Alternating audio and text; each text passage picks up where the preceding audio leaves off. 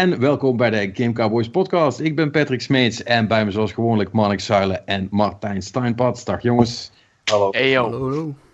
En eh, we hebben ook weer een speciale gast. Eh, dat is JP van 70 van de Dutch Game Garden. Welkom. Dankjewel.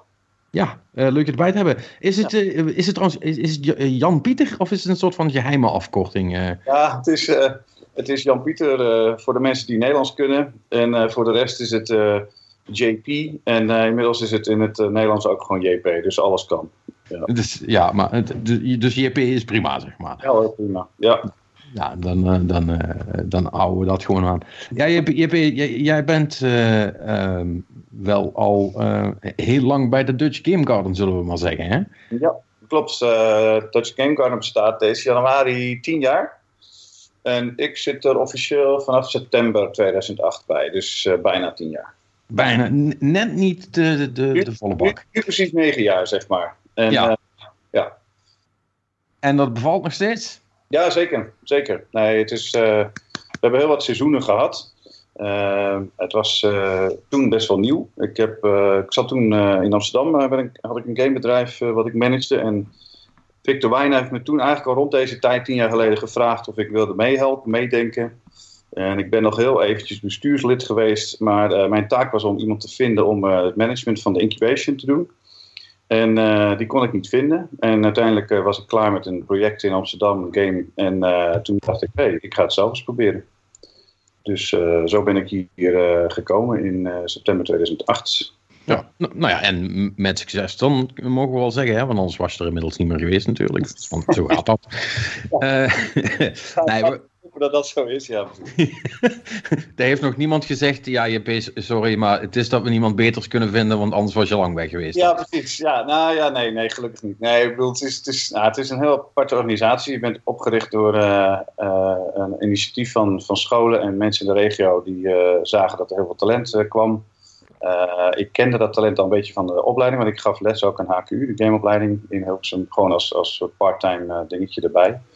Ehm, maar we wisten allemaal eigenlijk niks over van incubation. We wisten eigenlijk niet hoe je zo'n programma moest doen. Ik wist wel veel van games maken, maar niet, hoe je mensen moet helpen met eh, ondernemerschap. Dus eh, dat, dat moest allemaal ook allemaal leren. Ja. Dus nee, we zijn gewoon begonnen en we, hebben meerdere seizoenen gehad. We zijn met twaalf bedrijven begonnen in eh, de Drie Haringstraat in Utrecht. En we hadden binnen een half jaar een wachtlijst van nog 30 bedrijven. En toen zijn, eh, is Victor al meteen... Victor Wijnen is degene die het heeft opgezet. Die is nu het hoofd van de gameopleiding in, eh, aan de Hogeschool Kunst Utrecht. Mhm. En die heeft toen, eh, is eigenlijk meteen alweer aan de slag gegaan om te kijken wat er nog meer mogelijk was. En drie jaar later zijn we in de Neuden gaan zitten met 45 bedrijven. Ja, en toen was het ook echt booming. Toen stond echt de aanvragenlijst. Elke dag moest je bijna kijken, want er stonden gewoon weer nieuwe bedrijven bij. En dat is zo gebleven tot het jaar 2014. En toen is het een beetje eh, wat afgenomen. Ook de mensen werden een beetje bang om te ondernemen, maar de markt werd ook moeilijker en voller. En eh, ja. nu zitten we met 30 man eh, bij de jaarbeurs, een Beatrix-gebouw. En de rest van de wat grotere succesnummers die zijn de stad ingegaan, zoals Ronimo Games of Abbey Games. En er zijn een paar mensen natuurlijk ook mee opgehouden. Er zijn clubs verhuisd. Ehm, ja, en- voorlopig heb je toch, hè? ja, dat heb je ook. En ja, de ene, de ene club die redt het, de andere niet. Er zijn er ook wel aardig wat gesneuveld. Dat hoort er ook bij. Eh, Ja. Maar we zijn er nog en het, eh, het wordt eigenlijk steeds leuker. Dus, ja. Nou, dat is mooi. We, we, we komen er dadelijk nog even op terug. En sowieso het hele eh, de indie klimaat in Nederland, eh, Indigo, dat soort dingen allemaal. Ja, ja. Daar gaan we het dadelijk nog wat uitgebreider over hebben. Maar ehm, normaal gesproken beginnen we altijd met wat iedereen gespeeld heeft. Aangezien jij de gast bent. Eh, ja, mag jij als eerste zeggen? Heb je nog games gespeeld? ja, nou ja. Minecraft dagelijks. Eh, ja, serieus? Ja, Maar met je, met je kinderen of zelf? ja, met mijn kids. Maar ook, eh, oh, ik heb het de eerste twee jaar ook s'avonds gewoon lekker in mijn eentje zitten spelen. Hoor. Ik vind dat geweldig. Dus eh, nee, daar, daar kun je mij wel voor wakker maken. Ja. En, en, en ben je dan een, een survival man? Of zit jij ook zeg maar de enterprise na te bouwen? Ja, nee, nee. ik weet wat je bedoelt. Ik, eh, soms vind ik het eh, Enterprise leuk, maar ik, ik vind het survival eigenlijk wel het, leukst. Ja.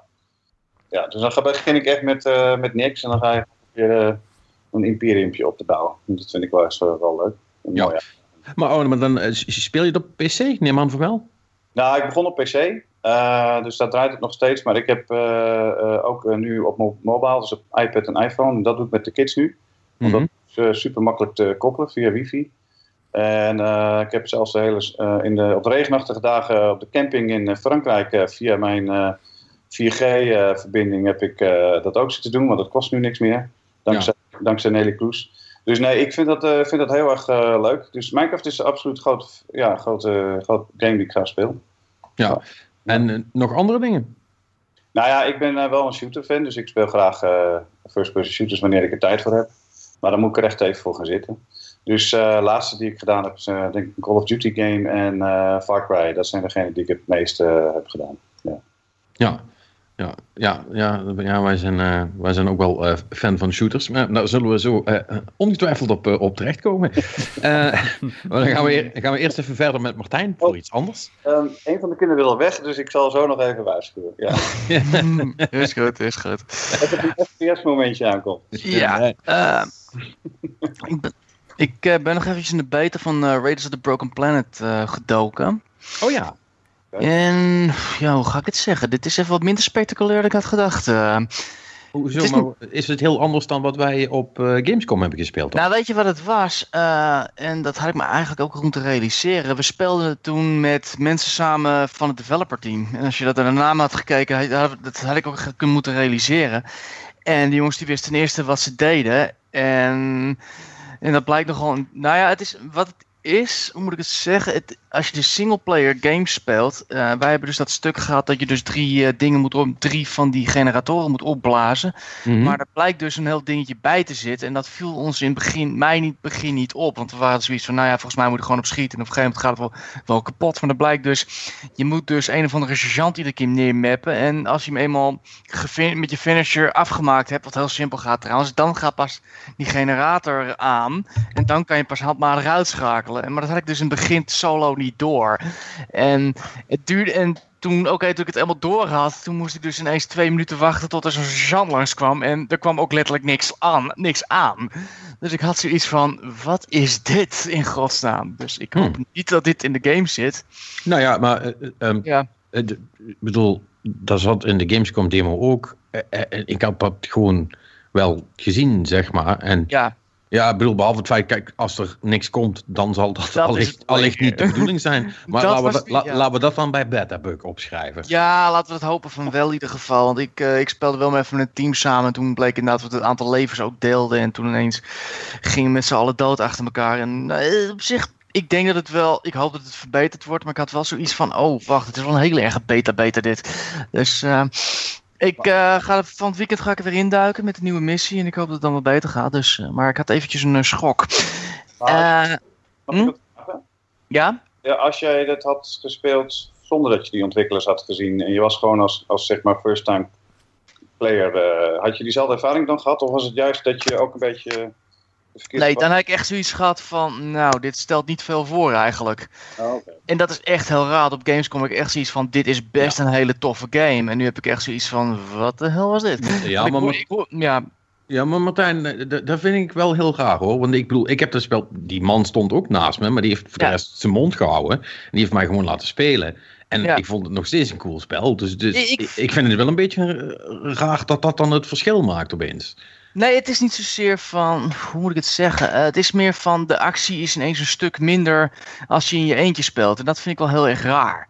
Oh, op die manier. Toen, dat is gewoon, het is gewoon min, op zich, sommige punten zijn gewoon weer hetzelfde zoals, je, zoals wij het gezien hebben. Het was alleen een aantal punten waar ik echt zoiets had van, dit is wel heel erg stil ineens. Wat is hier aan de hand? Okay. Dus ik ga er gewoon vanuit van dat dat nog wel verbeterd wordt. Maar het was wel eventjes van, hmm, wat is hier gewoon... Ja vreemd. Maar goed, dat terzijde. Ik denk dat we eerder over Death of the Outsider moeten gaan hebben. Maar niks. Ja, dat, uh, dat is heel erg Dishonored eigenlijk. Ja, dat, dat is heel even, erg even, ja. Voor wie het niet mee heeft gekregen, dat is inderdaad de, de, de, moet, heel belangrijk dat ik dat erbij zeg. De standalone DLC van Dishonored. Ja. Dus daar heb je Dishonored niet voor nodig om die nee. te spelen. Correct. Dit zelf getest op PC, klopt. Het is gewoon een dus. losse game, alleen dan voor 30 euro in plaats van 60. Dus, ja. Uh, en ja, de, ik, als je weet hoe Dishonored 2 speelt, het is praktisch dezelfde mechaniek. Het is alleen dus ander personage, dus andere karakter, uh, uh, dinges, abilities en nieuwe levels. Waarin ja. je Dishonored dingen doet. Ja, en je zei, je zei dat toen al na die sessie die je had op Gamescom, hè, dat dat allemaal wel in diezelfde lijn lag. Is, is er nog, heb je nog iets, ben je nog iets tegengekomen wat je toen niet hebt gezien, dat je dacht van, oh, dat is toch wel anders? Of is het echt heel erg Dishonored? Nee, het is, uh, en, het is precies wat ik toen al zei. Ze hebben dus nieuwe krachten erin gezet. En uh, ja, dan hebben ze dus dat, uh, hoe noemen ze het, bounty systeem. Dus zeg maar nog zijmissies die je eventueel nog kunt doen die erin zitten. Dat... Ja, die, die krijg je extra dingen te doen. Maar... Die moet je inderdaad wel opzoeken. Eerste level zitten ze op de boot. En daarna heb je een speciale, speciale winkel die zo, waar je normaal ook je stuff koopt. Die, daar kan je nu ook de bounties halen. Dus die moet je ook echt op gaan zoeken. En dat zijn er trouwens best veel. Want in de eerste had ik er al twee. En in het tweede veld had ik er al vijf volgens mij gezien. Dus uh, er is heel veel wat te doen. Trouwens, wat ik wel apart vind is dat je met ratten kan praten. Heb jij dat al gedaan? Ja, nee, dat, eh, dat, dat zit eh, in de lore helemaal verwerkt waarom dat kan. Heb ik gelezen. Ik ben, heb het zelf ook nog niet helemaal begrepen waarom, maar het, schijnbaar is het. Uh, er, zijn mensen die worden er helemaal wild van dat. Oh, ze hebben het gedaan. En dat is schijnbaar heel belangrijk. Maar, hebben die ratten nog wat nuttig te melden of hebben ze alleen maar... Ja, ze, ze, ze, geven hints van hoe je... Dat er bepaalde geheime gangers zitten waar je ook nog een alternatieve route kan kiezen en zo. Dat, soort dingen. en, ze, ja, en voor de rest spreken ze heel erg eng. Nu heb ik al een hekel aan alles wat mijn broekspijpen op kan kruipen. Maar deze ratten maken het niet veel beter. Ze hebben het continu over eten en vlees eten en lever en dat soort dingen. En dat is best wel creepy. Het is natuurlijk wel ook een beetje hun ding, maar... Uh, ja, dit was creepier dan ik gewend was in dan de Zonard. Ik bedoel, ik had echt zoiets van, uh, ik ga weer verder jongens, doei! En voor de rest, uh, ja, het is wel dezelfde Zonard. De krachten die, ik heb nu met de krachten kunnen spelen en je hebt een, in plaats van de dat, uh, dat röntgen-ding, uh, die röntgenvisie die je hebt, die heb je nu gewoon een ghost visie. Waar je dus echt letterlijk door het veld heen kan schieten van om te kijken van oké, waar zitten alle punten. Dus in plaats van dat je door muren kan kijken, kan je nu overal zien, eh, overal kijken door gewoon oké, hoe ziet de situatie eruit. Dat is wel echt tof gedaan. En je kan nu ook mensen het, een, een gezicht overnemen, zodat je ongemerkt ergens voorbij kan rennen. Ja, dat, dat zijn Marnix inderdaad al vorige keer. Ja. Oké, het is best eh, tof gedaan. Het was inderdaad als een game. Ik had oh, nog maar wat, nog maar een keertje. Oh, ik, ja, ik, zeggen, ik kan me toch niet aan de indruk onttrekken, ondanks dat eh, in ieder geval Marnix Dishonored super vet vindt, uh, dat hij zoiets heeft van, ja, ik doe het nog wel een keer of zo. Nou, ik vind hem wel tof hoor. Ik ga gewoon lekker anderhalf uur. Ik, ik ging een uur en ik, het was anderhalf, dus ik had zoiets van, oh, dat is lekker eigenlijk. Het is gewoon een lekker, het is prima game. Prima game. Ik heb er niks over te klagen tot nu toe. Meer van hetzelfde, maar dat is niet erg. Nee, helemaal niet. Precies, zo. Dus echt, het is echt al tof. Ja, nou ja, ja, goed, daar gaan we niet over klagen. Um, was ik er nog wat? Niks meer. Ik had verder niks meer. Mannix, jij nog uh, iets anders gedaan? Ja, datzelfde wat jij natuurlijk ook de hele tijd hebt gedaan. over, over meer van hetzelfde gesproken. Ja, nogal hè? ja, het is wel echt heel erg meer van hetzelfde inderdaad. Maar mm. man, wat een shooter is dat. Bah, ik vind het zo leuk. Hoe is die raid? Sorry, uh, JP, jij eerst. Nee, nee, over welke, over welke hebben we het nu? Destiny 2. Oh, Destiny, oké. Ah. Ja, um, ja, goed. Uh, ik ben. Uh, uh, luisteraars zullen het uitputtend gehoord hebben. Ik ben nogal fan van Destiny. in ieder geval van de eerste. Dus deze, ik zat hier wel heel erg op te wachten. En ik moet zeggen, um, ik, ik, ben tot nu toe nog steeds niet, niet teleurgesteld. Dat is niet het goede woord. Ik, ik heb wel dingen te klagen. Dat, ja, dat, dat wel. Nee, nee, nee, nee. Ik vind het echt super vet. En ik ben echt alle tijd die ik, die ik een beetje kan goed praten en plus twee uur nog, en die gaan dan van de slaap af, die ben ik erin aan het steken. Maar eh, ja, zoals dat dan gaat, eh, er zijn toch altijd van die dingetjes die zeggen van, ah, wat jammer nou. Uh, en dat waren er bij de eerste, waren het toch heel veel.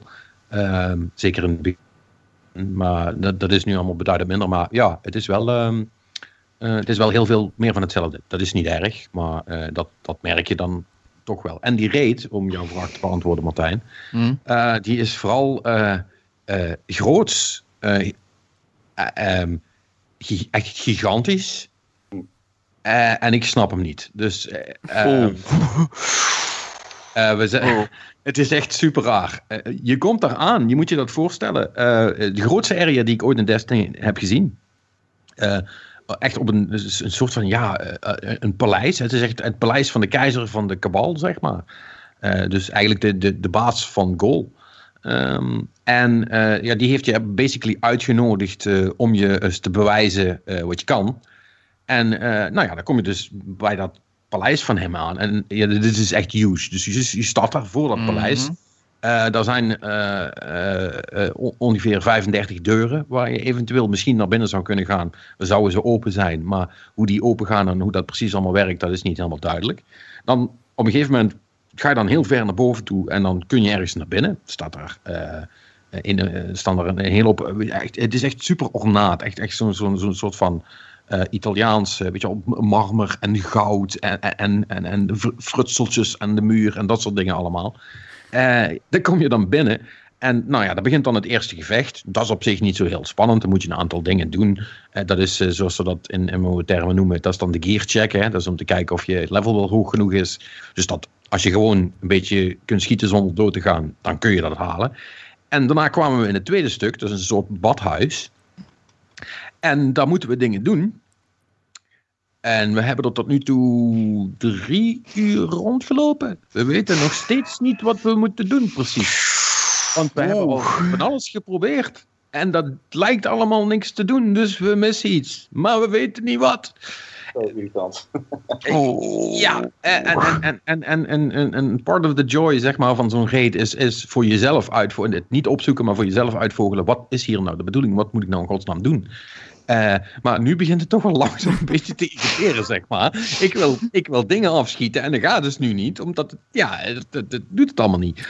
En, uh, maar het wordt nog gekker. Uh, het is dus ook nog zo gemaakt. bij die eerdere raids ehm, was het zo, hè. Je, hebt je, je, je krijgt gewoon een checkpoint. Je hebt het eerste stuk gehaald, krijg je een checkpoint. tweede stuk, krijg je een checkpoint. En je hebt dan tot aan de reset, dus die hele week heb je, om dan verder te komen. En als je dan terug erin gaat, begin je weer waar je was. Dat is bij deze dus niet. Um, je moet elk stuk weer opnieuw doen. Maar, er is maar, um, er is ook nog een heel ingewikkeld gangenstelsel, zeg maar onder die areas waar je in zit te vechten. En dat is dus echt uh, ook weer, het is basically een hele planeet, hoe groot dat dat is. Um, daar kun je dan via geheime hendels kun je daar naar binnen komen. En daar zitten dan afkortingen tussen haakjes als je ooit de weg vindt. Um, om uh, uh, naar de stukken van de reet te komen die je wel al gecomplete hebt. Dus we zouden in principe uh, bij dat badhuis kunnen komen, maar dan moeten we wel eerst die hele ondergrondse weg afleggen. Daar zitten ook nog vijanden. Daar kun je dan ook nog geheime kistjes vinden, maar dan is ook nog iets met robots om de sleutels te krijgen. Ik weet het allemaal niet. Het is echt... Ik, ik hoorde zoiets, ja. Het is echt super ingewikkeld allemaal. Ik wil, ik wil gewoon dingen voor een kop schieten.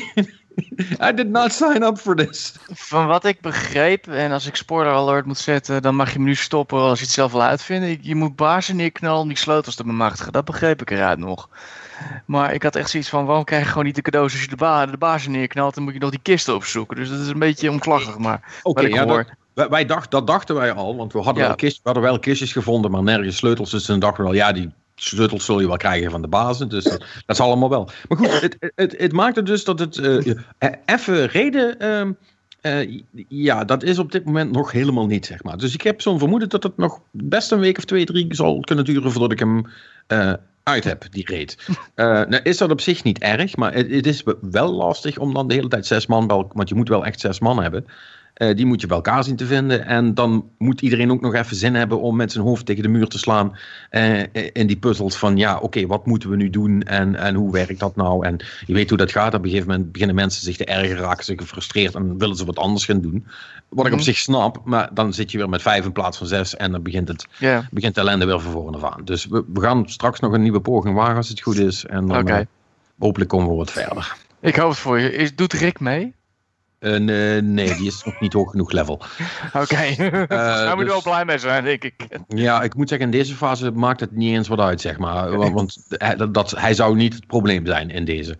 Ik, ik, ik, ik, ik, voel ook echt een soort van falen van mezelf dat ik het niet zie. Ik zie, ik zie het gewoon niet en dat irriteert me mateloos. Uh, um, dus, nou ja. Ja, als ik dat zo hoor, dan heb ik zoiets van, dan is er iets mis met je hinting systeem.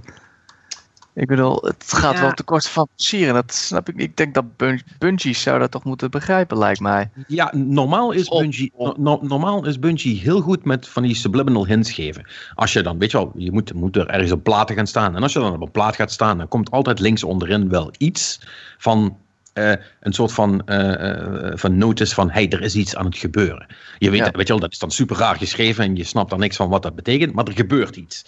En dat is nu niet. En doordat we dat niet hebben, weten we ook niet of, of de dingen die we doen überhaupt ergens op slaan, want we, we, zien het niet. Dus dat is wel, nou, dat is, dat is, dat is wel apart. Maar goed, de, de, kom er ongetwijfeld op terug. Uh, Marnix, wat heb jij nog aan, aan het spel ondervonden? Uh, ik, uh, ik, ik ben gewoon rustig mijn uh, loot aan grind. Ik doe nu vooral strikes gewoon lekker achter elkaar. Hoewel ik daar wel moet zeggen dat ik vind ze niet allemaal even cool. Dat, Nee, die, die, die, dat is mij ook opgevallen. Er, zit er, er is er eentje, die vind ik echt super leem. dat is echt de stomste strike die ze ooit hebben gemaakt. is dat? Uh, dat is die, die, zo'n fallen striker die eindigt dan met zo'n, met zo'n gast die onzichtbaar wordt en teleporteert. Oh, die. Nee, die, die is inderdaad ook niet super. Die, die ik vooral heel erg stom vind, die begint, dan moet je, zeg maar, uh, die, die lichtbalken verzamelen, zeg maar. Ja, dat is diezelfde. Oh, dat, dat is die. Diezelfde. Oh, ja. ja, dat is die. Ja, dat... is, zie je, die is echt leem. Oh ja, en, dat is inderdaad zo. En dan, en dan heb je aan, aan de andere kant van het spectrum heb je die, die Pyramidion heet die geloof ik. Die, die Vexstrike is dat, met die, uh, uh, met die laserstralen. En, uh, ja. en dat, dat is echt Vault of Glass in het klein, zal ik maar zeggen. Die is echt super vet. Dus het is, ik vind dat heel raar. En, en om heel eerlijk te zijn, er zijn er ook maar vijf, geloof ik. Ja, het dus zijn, zijn er niet zoveel. Zijn er ook te weinig. Nee, dus dat... ja, weet je, eh, het is Destiny, dus ik ben wel gewend dat ik uh, er gewoon het beste van moet maken, zeg maar. Maar, ja. Het, ja, maar jij blijft ook in je eentje spelen natuurlijk, hè?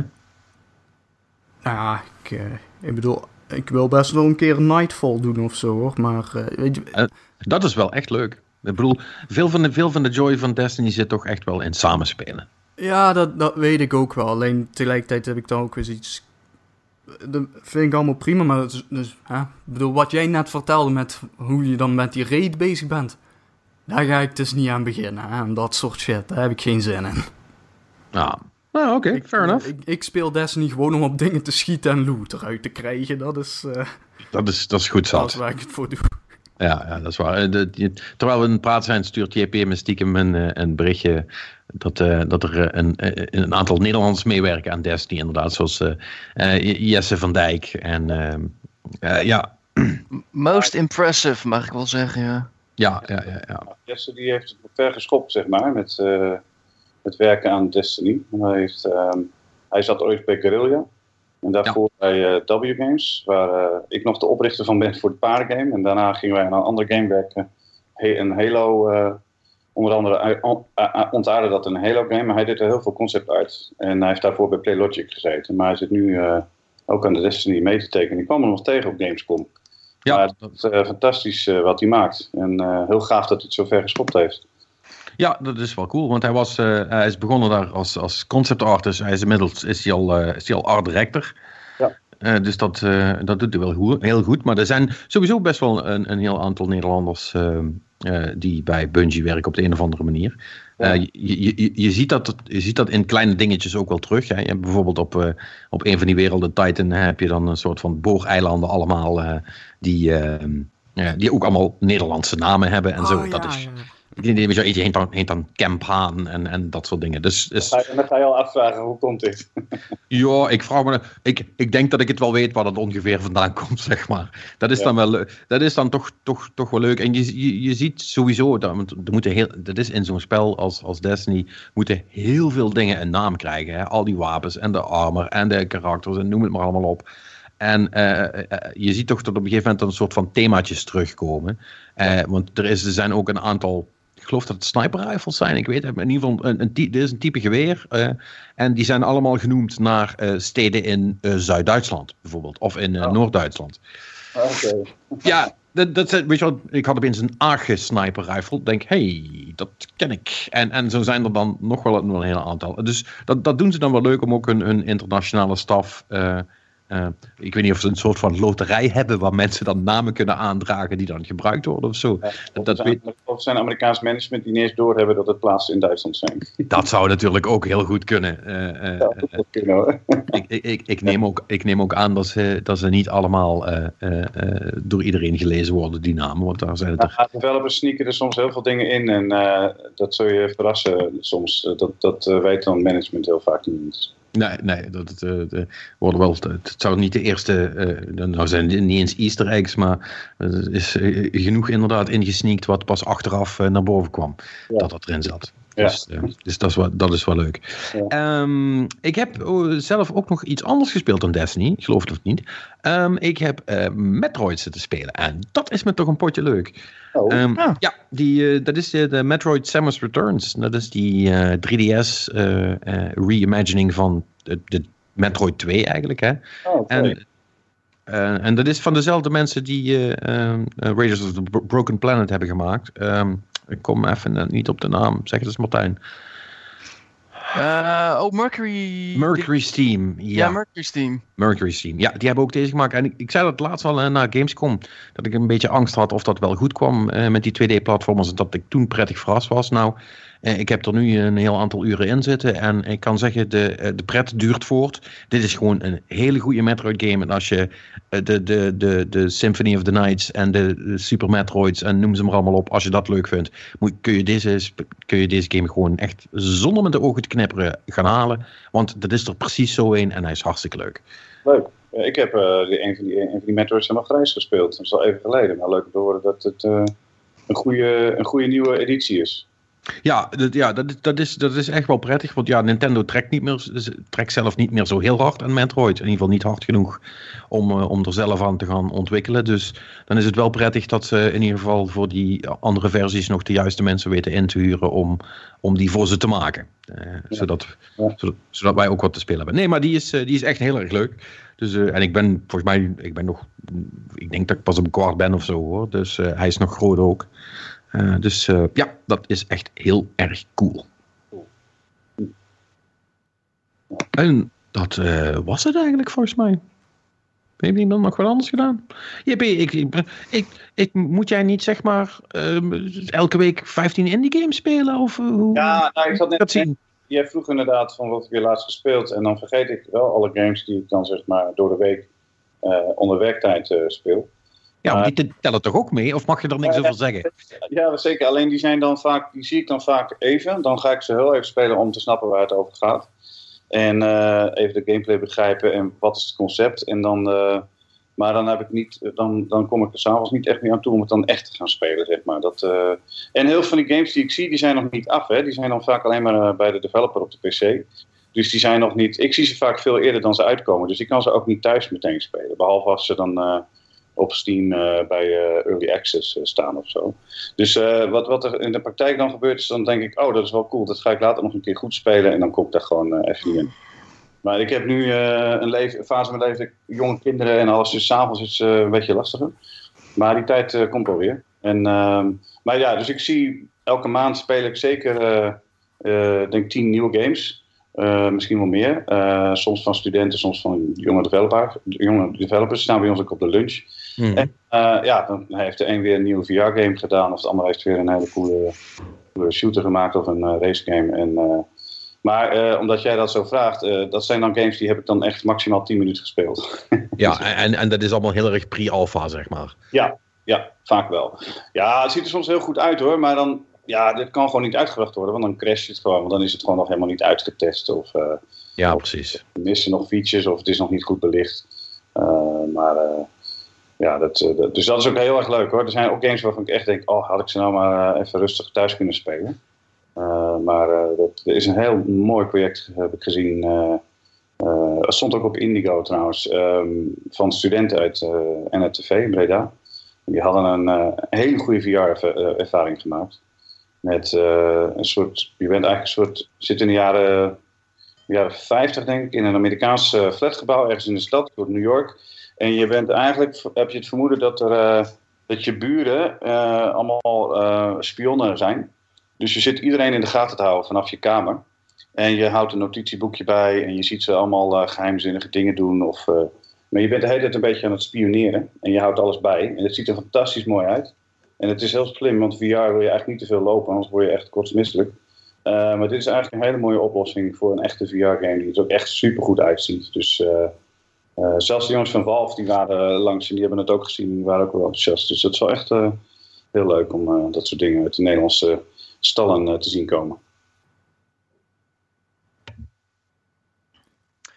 Interesting.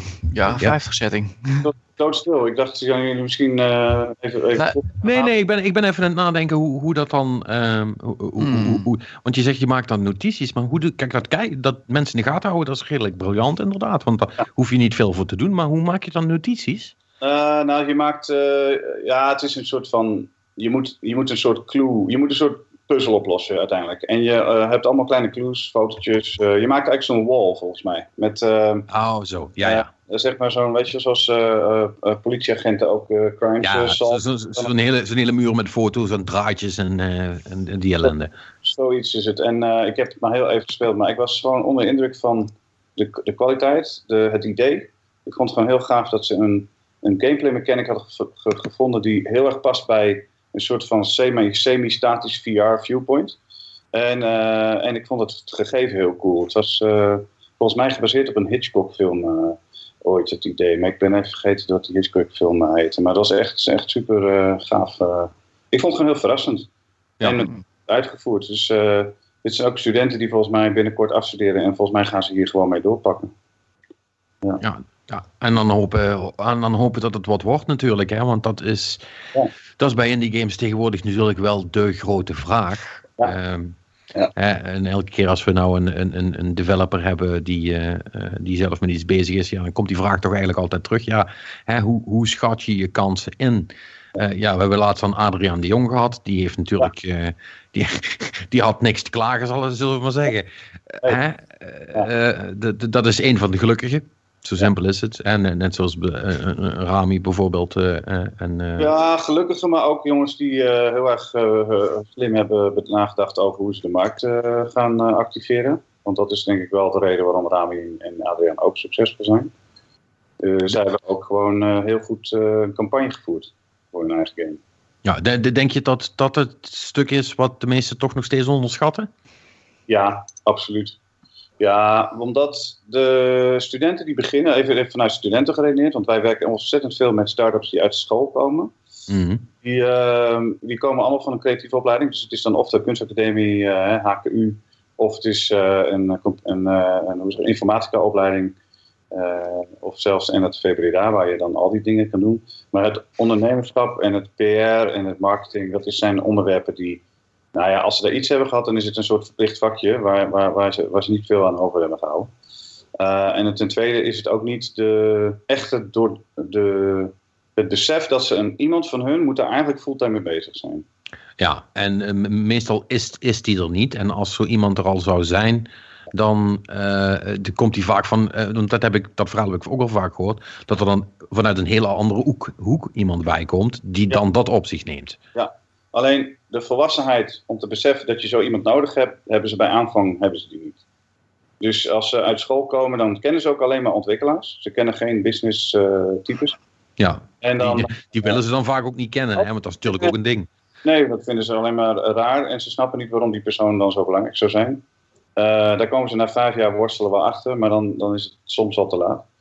Uh, of je hebt individuen zoals Rami. Rami is echt zo'n natuurlijke ondernemer. Die heeft het gewoon van nature in zich, want hij zat ook gewoon op de HKU.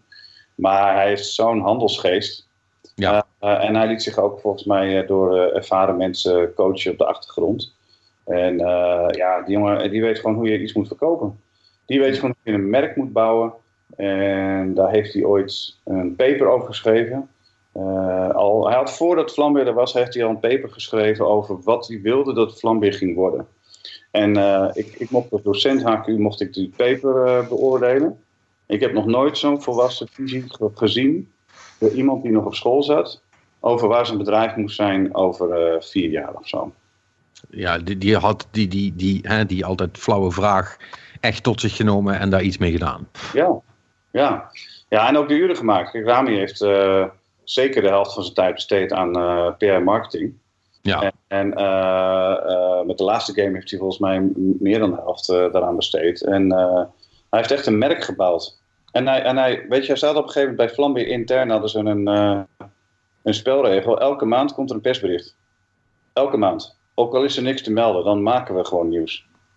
En uh, ja, dat is voor een ontwikkelaar van een creatieve opleiding is dat vrij uitzonderlijk dat je zo denkt. Uh, en Adriaan is heel goed bevriend met Rami en die heeft, daar ook, die heeft dat ook deels overgenomen. Die heeft een aantal dingen ook gewoon ja, geleerd van Rami en andersom. Ja, goed, eh, eh, want dat is wat Rami altijd zegt. Ja, we zijn er om elkaar te helpen. En eh, eh, bedoel, hij is daar sowieso heel erg mee bezig. Hij, hij, hij is natuurlijk all over the place met lezingen geven en, en proberen mensen te helpen en dan dat soort dingen. Um, ik neem aan dat er in de basis voor jullie als Dutch Game Garden ook wel een rol ligt om dat te doen, zeg maar. Voor, oh ja veel van die studenten. Maar eh, als ik jou zo hoor vertellen, heb ik het idee dat jullie het wel proberen. Maar dat het, dat het allemaal nog niet zo binnenkomt zoals het moet, zeg maar. Dat, ja, dat heb je goed aangevoeld. We, we, kijk, we vertellen heel veel aan het begin. We herhalen het ook heel vaak. Uh, maar het, sommige mensen zijn of te eigenwijs, of ze snappen niet wat je echt bedoelt. Dus ze snappen het niet, zeg maar, omdat ze het ook niet ervaren hebben. Uh, en dus een derde probleem is dat ze vaak zo erg uh, plezier hebben in het bouwen van de game. Dat ze gewoon eigenlijk daar gewoon zo vaak door worden afgeleid. Dat ze gewoon vergeten dat ze ook nog een campagne moeten gaan voeren. Dus ja, ja. maar over, zeg, over onze rol. Ja, tuurlijk, wij hebben echt ontzettend veel programma's gedraaid met ze om ze tot bewustzijn te brengen. En degene die daar goed op reageren, zoals een Abby, dat is zo'n club, die heeft alles tot zich genomen. Echt alles. Die zijn naar Rami gegaan, die zijn naar Adrian gegaan, die zijn naar naar, naar, naar ons toegekomen. Die hebben van ons heel veel geleerd. Die zijn naar uh, allerlei mentoren. Ik heb die jongens voorgesteld aan uh, Triumph Studios. En ze zijn daar, hebben ze alles leeggevraagd. En uh, weet je, dat zijn gewoon gasten die willen het. Dus die, die sponsen het gewoon helemaal op. Ja. En dan lanceren ze een, een reus. Een game waarvan ik eerst aanvankelijk zelf persoonlijk niet zoveel verwachtingen van had. Zal ik gewoon eerlijk zeggen. Mm -hmm.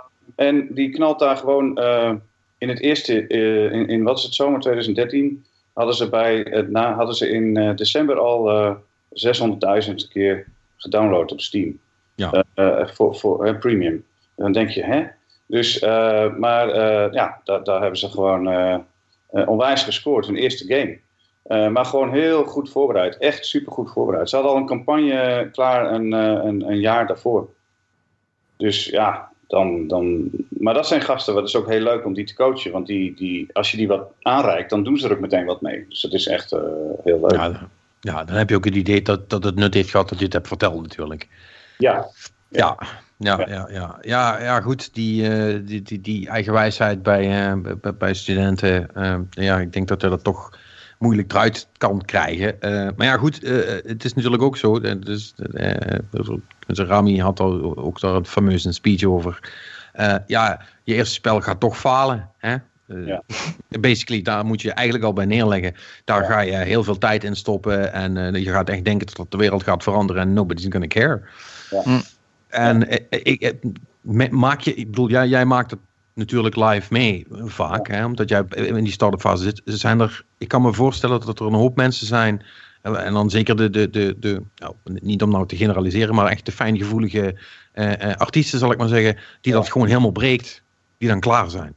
Oh, ja, dat heb ik wel meegemaakt. Ja. Ja, ik heb uh, één geval, uh, die zijn echt verbitterd doorgeraakt. Dat had ik niet verwacht, maar die hadden er zoveel van zichzelf ingelegd. die, die konden na het falen van de, hun game Ehm, die konden dat niet meer uh, opbrengen. Nee, relativeer. Die waren ook helemaal klaar. Die zijn ook gewoon gestopt. Ja, ja. En ehm, ja, daar was ik ook wel een beetje verbaasd over. Maar er zijn ook mensen die hebben het één keer geprobeerd, één game, één bedrijf. Die hebben niet eens de game helemaal afgemaakt. Maar die zijn op een gegeven moment ergens zo voor het einde met, of met ruzie uit elkaar gegaan. Of uh, één founder ging weg en de rest had er geen zin meer in. En toen zijn ze allemaal gewoon werk gaan zoeken. Dus dat, dat gebeurt ook. Ja. Sommigen gaan dan ook de game-industrie uit, want die concludeert dat de game-industrie gewoon dat je daar gewoon geen goed werk kan, kan vinden. Of, of ze zijn er gewoon klaar mee. Stom. Ja. Ja, nou ja, kijk, er zijn zoveel redenen om, om voor werk te kiezen. Kijk, de een die kan heel goed programmeren en die kan gewoon twee keer zoveel verdienen bij, bij de ABN, zeg maar.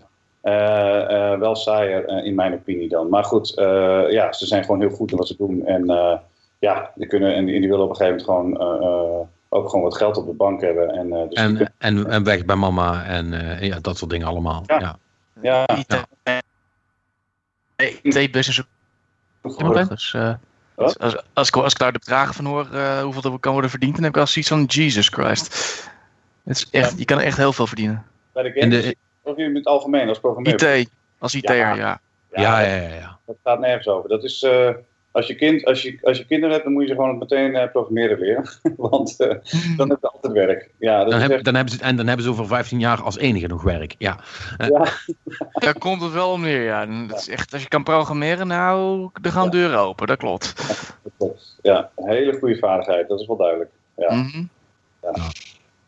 Maar ja, het is ook echt belangrijk om, ja, zonder even op één te haken, van je, je moet je eigen merk bouwen. Maar voor sommigen is dat heel erg lastig. Want sommige mensen die weten niet wie ze zijn, als, als zijn ze 26. Uh, ja, ik heb er zat uh, mensen tegenover me zitten op, hun, op die leeftijd die echt zoiets van, ja, ik weet al niet wat ik doe, wil, eigenlijk wil. Dat is, ook, dat is natuurlijk ook nog iets. Dat is een belangrijk punt wat je aanhaalt. Want wij zijn min of meer gespecialiseerd geraakt in uh, studenten-startups. En dat zijn mensen die eigenlijk al aan ontdekken zijn wie ze zelf eigenlijk zijn, los van een bedrijf uh, runnen. Mm. Dus uh, als je gemiddeld, de gemiddelde leeftijd bij ons uh, was op een gegeven moment met de start-ups uit, uit, de Hogeschool Kunsten Utrecht en uit de universiteit, was gemiddeld 23 jaar. Dus um, ja, heel veel mensen zijn sowieso nog aan het ontdekken dan wie ze zijn. En dan gaan ze meteen een, een, een game bouwen. En dan moeten ze die ook nog wereldwijd wegzetten.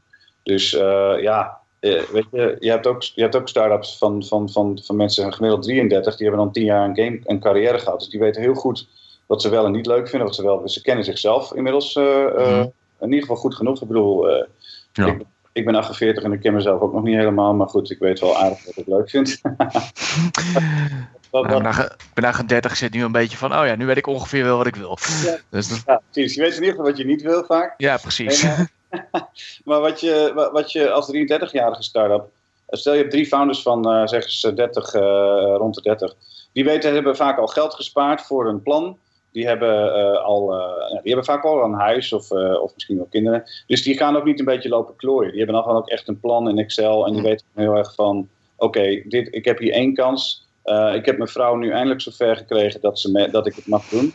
Uh, weet je wel. En uh, we gaan nu uh, al onze spaarcentjes gaan we op het spel zetten. Of in ieder geval, dat, dat weet ik, maar dat weet mijn vrouw nog niet. Weet je wel. zij, zij, denkt, zij denkt dat het huis nog van ons is. Ja, ja maar, er zit al een driedubbele hypotheek op. Precies, ja. En, en, een tweede rekening die ze nog niet kende. En, maar dan ga je los. En dan, maar die, die gasten die gaan, ook, die gaan ook meteen naar een investeerder toe. Of, of, die gaan uh, meteen heel serieus uh, met een fantastisch goed voorbereid document of een prototype uh, waar ze al een tijd aan gewerkt hebben. En dan gaan ze, de, gaan ze meteen, ja, die gaan gewoon meteen een ding goed aanpakken. En dat is veel, wij beginnen echt met mensen die zichzelf eigenlijk ook nog moeten leren kennen, wat je net terecht aan opmerkte. En dat is voor ons echt wel ook en aan de ene kant heel gaaf, want je ziet dingen zoals Rami of Jan Willem, dat zie je dan voor je ogen gebeuren, of een Adriaan. En, maar, sommige, sommige, mensen kunnen het, sommige mensen hebben het, maar niet iedereen heeft dat. Heel veel niet eigenlijk, maar ga verder. Ja, je hebt ook volwassenheid in verschillende lagen. Hè? Ik bedoel, ja. uh, Rami is bijvoorbeeld, wist heel goed wat hij wilde. En dus dat is bij hem een soort volwassenheid die, die ik bij de meeste ontwikkelaars van die leeftijd, of zelfs ouder, nog niet, niet, nog niet had gezien. Ja. Uh, um, ja, en anderen, van, anderen zijn heel volwassen in wat ze willen, maar weer heel onvolwassen in uh, hoe ze zich verder gedragen. Maar uh, als, game, mm. als gameondernemer zijn ze wel heel volwassen. Ja, ja. ja. En, maar um, ik neem aan dat hè, als je daar nou zo lang uh, tussenin zit, dat je op een gegeven moment wel ook een soort, ja, radar wil ik niet zeggen, maar een gevoel krijgt als je, als je, als je, als je zo'n start-up ziet en hoe ze doen, dat je na een paar maanden wel redelijk kunt inschatten of het wat gaat worden of niet, zal ik maar zeggen. Klopt. Klopt. Uh, voel, je je dan geroepen om tegen sommige mensen te zeggen: jongens, misschien moeten jullie wat anders gaan doen, want ik geloof niet dat dit het gaat worden? Of laat je dat dan toch maar? Uh, ja, dat is een hele goede vraag. want je vraagt je af, moet je van tevoren al niet bepaalde mensen gewoon vertellen, jongens, ehm, dit gaat hem gewoon niet worden. Ja. ik heb daar heel erg over nagedacht. In het begin begonnen we met een paar hele goede start-ups, zoals Mock Games en zo. Dus daar hoefde ik niet zulke soort mededelingen aan te doen. Ik heb op een gegeven moment ook wel eens gasten gezien waarvan ik dacht, hmm, we kregen een verschrikkelijk lelijk documentje. Uh, nou, ik heb mensen wel eens een keer teruggestuurd van kom later terug. Dus ik heb niet gezegd van je kan het niet, want dat vind ik ook weer onzin. Want ik geloof als je dat echt wil, dan kun je dat. Ook al ziet het er niet uit. Uh, Ik heb ook uh, een keer een jongen gecoacht van 16, die wilde auto-ontwerper worden. En die liet mij schetsen zien, ja dat kan mijn zoontje van drie nog beter, weet je wel, bij wijze van spreken. En mm. toen, toen dacht ik bij mezelf, ik kan twee dingen doen. Ik kan zeggen, joh, kansloos, het gaat hem niet worden. Ik wil je deze, deze ellende besparen. Of, of je zegt van, wat is de volgende stap voor hem? En toen zei ik, nou, ga nou eens gewoon bij een kunstenaar of uh, ga eens een keer uh, wat les nemen en zo. Um, nou, het moraal van dit verhaal, uh, acht jaar later werkte hij bij Audi. Dus, ja, dus toen dacht ik bij mezelf, oké, ik herinner me die ontzettend lelijke tekeningetjes nog. Maar ik ben heel blij dat ik, het niet, dat ik zijn hoop en droom niet in, in heb getrapt. Want dat zou heel makkelijk geweest zijn voor mij met een jongetje van, van 17 of zo was die. En, maar ja, omdat hij namelijk de wilskracht had. En de, want elke keer dat ik, ik kwam hem om de twee jaar tegen en dan, en dan zei ik één dingetje of zo. Uh, dus hij heeft die cursus namelijk gedaan. Hij heeft een kunstenaar opgezocht. Hij is een, een, kunstjaar gaan doen. Toen is hij naar Den Bosch gegaan, naar de kunstacademie, twee jaar. En toen is hij naar een soort op, opleiding in Duitsland, die gespecialiseerd zijn in autoontwerpers. Ik weet, ik weet niet hoe het, hoe het heet. En toen is hij zo in de, game, in de auto-industrie gerold. Dus ja, wat doe ik dus inmiddels met gamebedrijven waarvan ik denk, hmm, dan denk ik van, nou ja, dan kan ik jou gewoon vertellen wat de volgende stap is. En voor, je, en de, en voor, de, ene, voor de ene is dat, uh, ga maar weg, uh, kom een andere keer terug. Ik ga je nu niet in het programma laten, zeg maar. Ja. En, voor, en, voor, de andere is het van, nou ja, kom er maar bij en dan gaan we eraan werken. Maar dan geef ik ze gewoon een paar uh, pointers waar ze aan moeten gaan werken. En als ik binnen een jaar het idee heb dat ze er gewoon geen bal van van, van maken of dat ze het niet echt willen. Dat ze niet hun best doen, ja. ja dan, uh, weet je, dan kunnen ze de huur ook bij ons ook niet meer betalen. Dus dan zijn ze toch vanzelf uh, heel snel weg. Probleem los zichzelf meestal op. Ja. ja het, het, is wel nuttig om mensen te laten zien dat er meerdere wegen zijn in plaats van één opleiding. En ja. niet iedereen doet dat. Dus ik vind dat een, echt een heel goed idee van je. Dat je gewoon zegt van oké, ga eerst die kant eens op. In plaats van iemand mee te trekken naar een opleiding waar hij misschien een grote schuld van heeft en er niks van oplevert.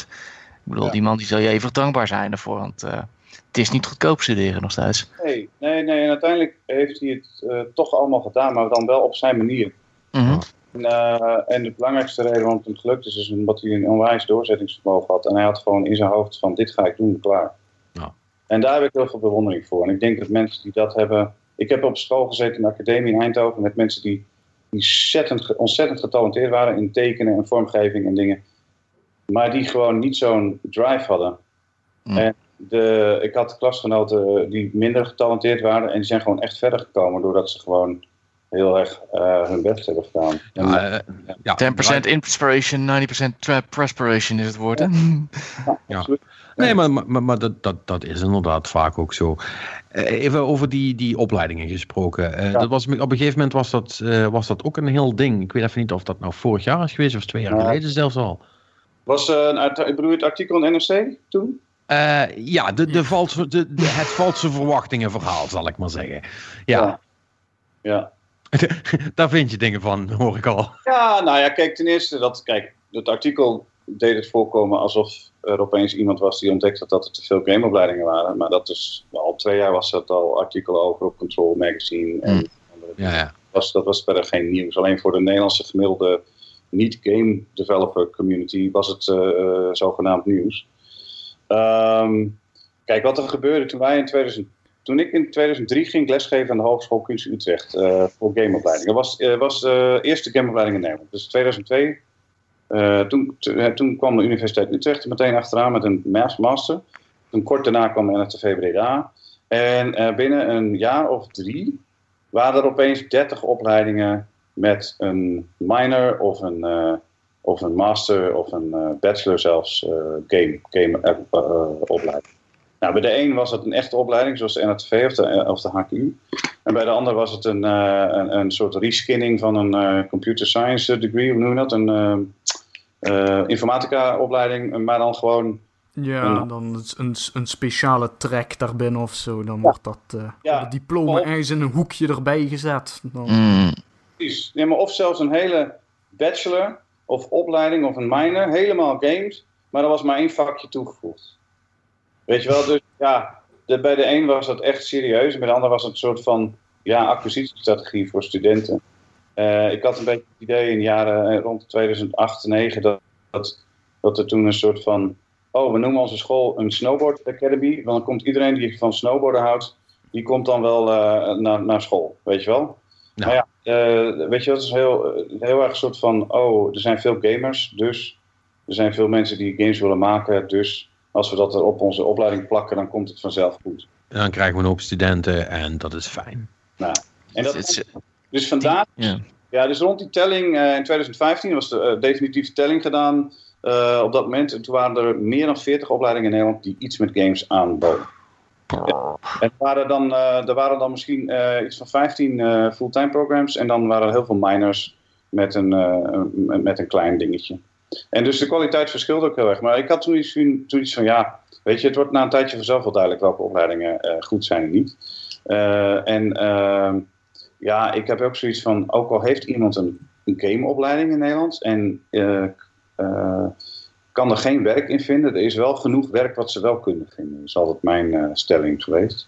Uh, want als je gameopleiding doet, leer je gewoon heel veel handige software, vormgevingssoftware, interactiedingen. Dus je kan onwijs veel andere dingen ook doen. Dus voor de goede gameopleiding, waar er misschien dan nog te veel studenten vanaf komen, is er genoeg wat ze ook kunnen doen. Uh, en de, de, die uitdunning tussen die opleiding, die begint nu al, die zie je, begin nu al te zien hoor. Dus er, er worden wel, je ziet nu al wat meer opleidingen een beetje terugkrabbelen. Um, en um, ja, ik maak me er gewoon niet zo druk om. Want weet je, ik heb liever een competitive field, waar dus gewoon veel, waar een paar goede scholen echt uh, studenten ook echt proberen te wedijveren met elkaar. Dat is alleen maar goed voor de kwaliteit. Uh, want reken maar dat de HKU en de NRTV, die concurreren eigenlijk ook een beetje met elkaar. Ehm, maar ondertussen zijn het wel uh, een paar van de beste scholen ter wereld geworden, stiekem. Hm. Dus, uh, en dan voor een prijs van een Nederlandse opleiding, vergeleken met Amerika, waar je zo 30.000 per jaar neertelt. Hm. dan is dat niet zo gek als je dat in Nederland kan doen. Nee. Ja. Nou ja, goed. En uiteindelijk is het voor Dutch Game Garden in die zin ook beter als er meer mensen komen die de huur wel kunnen blijven betalen natuurlijk. Uh, hè? Ja. Uh, ja, nou, ik bedoel, ik zeg het nou heel flauw, maar uiteindelijk als er allemaal mensen komen die de zaakjes developertje willen gaan spelen en, en dat na drie maanden weer moeten opgeven, dat is ook voor niemand handig, toch? Nee, nee, nee, dat klopt. Als, we, als, als er opeens ook de hele tijd of, of, of leegstand is omdat, er, omdat ze het na drie maanden alweer opgeven of zo, daar hebben wij ook niks aan. maar ik denk ook dat wereldwijd is er ook best wel een dip geweest de afgelopen. Ik denk dat de indie bubbel en whatever, al dat soort uh, uh, praten. Weet je, het is duidelijk. Er is de laatste drie jaar best wel een moeilijke seizoen geweest, voor, voor wereldwijd ook. Zie ik, dat zie ik gewoon aan, aan alles. Ja, en in, Nederland ook. Hè. Dat, merk, mm. wij, wij, wij, wij, hebben het ook wel opgemerkt dat het toch wel. Um, dat je minder ziet gebeuren, zeg maar. Ook een, minder succes in ieder geval, laat ik het zo zeggen. Ja, en minder succes. En um, uh, ook best wel een paar op hun bek zijn gegaan. Zo in 2014, 15. Uh, waardoor er ook een soort angst is ontstaan. Dus ik denk, je had eerst had je het bloptimisme, noem ik het altijd. Ik weet niet of jullie die game De Blob nog uh, herinneren. Mm -hmm. Ja. Uh, nou, dat was een studentenproject, derdejaars. die jongens die hadden met z'n zevenen een game... nee, even kijken. Met, ja, zeven man geloof ik. Een game gebouwd. Die, dat is een derdejaarsproject. Ik was toevallig begeleidend docent van, die, van dat project.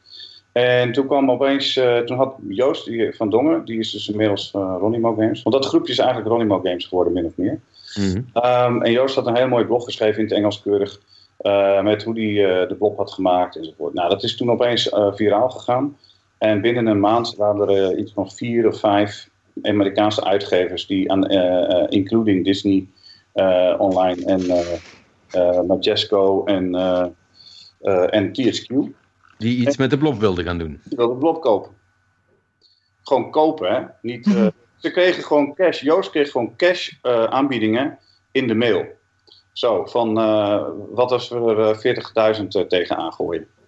En, dus, ja, en dus een student, hè. Dus een student, hm, wat? Dus, uh, en ik, en dit is wel grappig, ik was dus, uh, kennen jullie de paardengame My Horse and Me? Beroemde Wii-project? Yep, yep. Jullie favoriete weekend uh, game? Zeker. Ja. Die, daar was ik dus mee bezig in 2006, 7. En ik had hem gepitcht uh, op de E3 aan THQ. En vier maanden later uh, belt die man op en uh, hij zegt: Hi, do you remember me? I'm bla bla bla. Ik zei: Ja, ja, ja. So you're calling about the, the horseback riding game? En toen zei hij: No, actually, I'm calling about your students game. En dus toen, dat was de man die dus de blob heeft gekocht. Maar die, die van ons, waar wij met 35 man met investeerders erachter mee bezig waren, die wilden ze niet hebben. uh, maar, een derdejaarsproject van studenten van HQ, die wilden ze wel hebben. Ja. En, uh, dus er was voor mij ook wel een soort van wake-up call van, wow, um, dit, is echt, dit was echt voor mij een beetje het begin van, dit was 2006, dat was een beetje de indie-revolutie was toen een beetje aan het beginnen. Ja. En toen dacht ik van, oh wauw, dus zo'n klein team met zo'n harde werk, leuke club, die, die, die maken iets wat veel interessanter is voor publishers dan, dan wij met z'n met z'n dertigen met uh, allemaal ervaring en zo. Dus het was voor mij wel een, een leuke, interessante ervaring. en dat game, die game heeft de nieuwe generatie studenten heel erg geïnspireerd. Zo van, oh, als zij dat derdejaarsproject kunnen dat ook verkopen, nou, dan kunnen wij dat ook. Dus ja, en toen, toen ontstond er wat ik dus noem het bloptimisme. Want toen dacht ik, dat. En dat is vijf tot acht jaar lang, was dat waarom iedereen op de HQ dacht, oh, dat kunnen wij ook. Dus toen was er elk jaar kregen we er, uh, uh, ja, toen kregen wij nieuwe aanbieding van studenten die ook iets wilden beginnen. En de een die had daar goed over nagedacht, zoals Rami en Jan Willem, en de andere niet. En, maar er was wel een, wij hadden echt een boom. In 2013 of zo zaten we knalvol.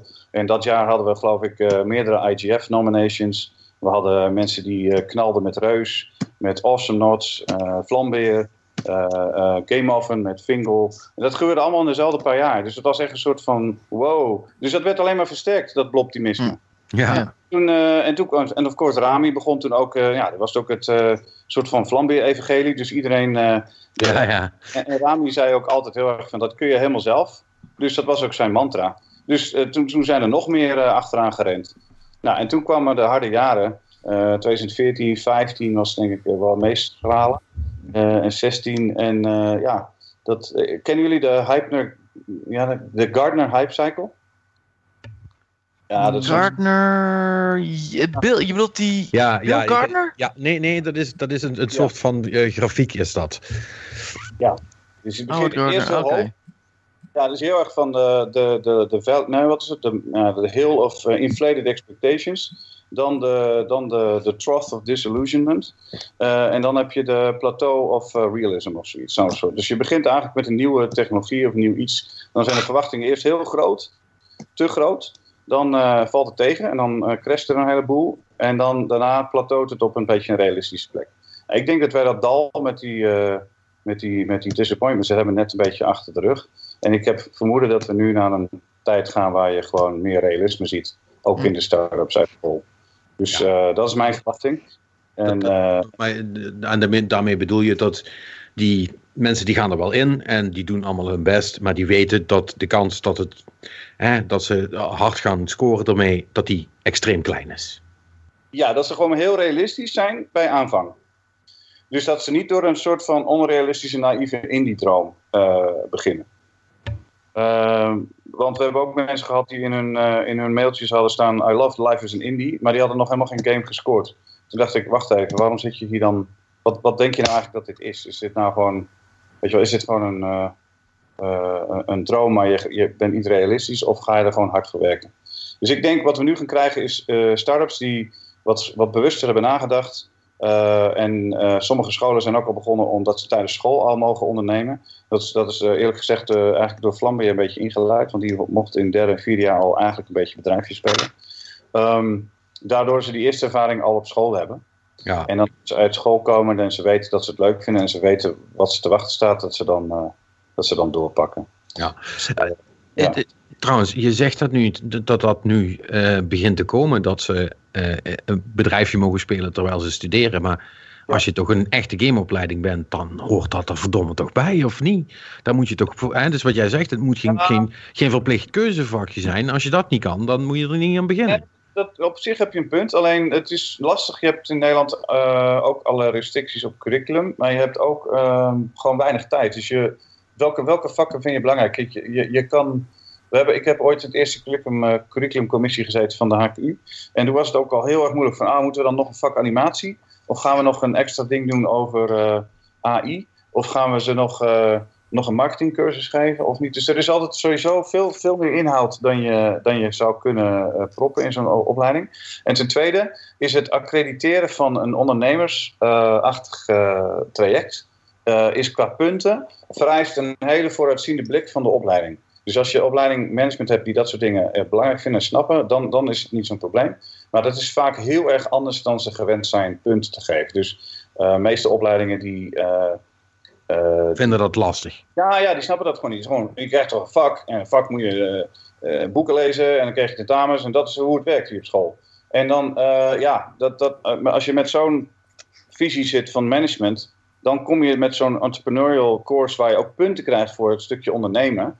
Dus gewoon echt indie spelen en ook echt PR-campagnes bouwen en ook echt afspraken hebben met uitgevers. Dat is dan heel lastig om voor zo'n school om dat, om dat te accrediteren. Dus dat is misschien wel de belangrijkste reden waarom het zo lang geduurd heeft. Maar de HQ, de HQ heeft het vrij vroeg uh, uh, gedaan, ook nadat ze zagen dat er gewoon heel veel behoefte was. En, uh, en Flambeer was eigenlijk de eerste die daar officieel volgens mij ook credit voor heeft gehaald. Ja, ja het, zijn toch in meerdere opzichten pioniers geweest wat dat betreft, als ik jou zo hoor. Absoluut. Ja, ja, nee, dat zijn ze zeker. En ze waren ook ook wel best wel eigenwijs binnen de opleiding, maar op een, op een, op wel op een geinige manier. En ik denk ook dat ze, uh, uh, het mogelijke wijs was het ook, hadden ze de opleiding anders ook niet afgemaakt.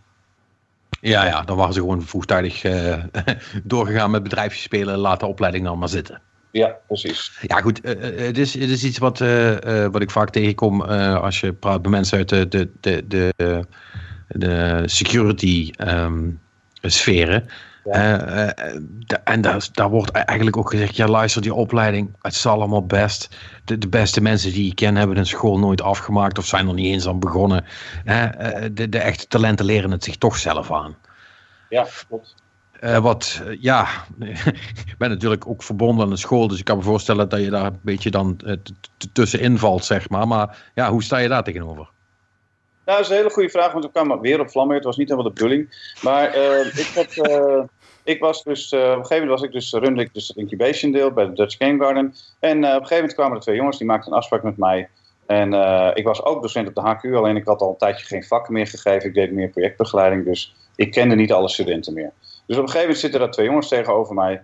En de ene heet Rami en de andere heet Jan Willem. En ze zitten, het is zeg maar juni in hun einde van hun tweede jaar. En wat zeggen ze? Ja, we willen eigenlijk met school stoppen. En we willen eigenlijk bij jullie in de incubation komen en hier in het gebouw. En dus toen dacht ik, nou ja, ik kende ze niet, dus ik wist niet precies wie ze waren. Maar ze waren wel zo serieus. Ik denk, oh, ik ben wel benieuwd wat voor studenten dit zijn. Dus toen ging ik een beetje rondbellen. Want ik zat natuurlijk een beetje met, oké, als DGG Incubation Manager vind ik het altijd leuk als er weer een goede, talentvolle club bij komt. Maar ik ben ook docent HKU. En ik weet dat het niet echt een goed idee is om te adviseren om te stoppen met de opleiding. Dus, dat wordt vast niet gewaardeerd daar, nee.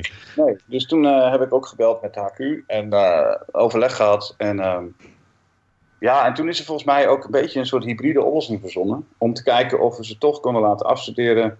En ook, uh, ja, ook toch uh, ook als ondernemer te beginnen.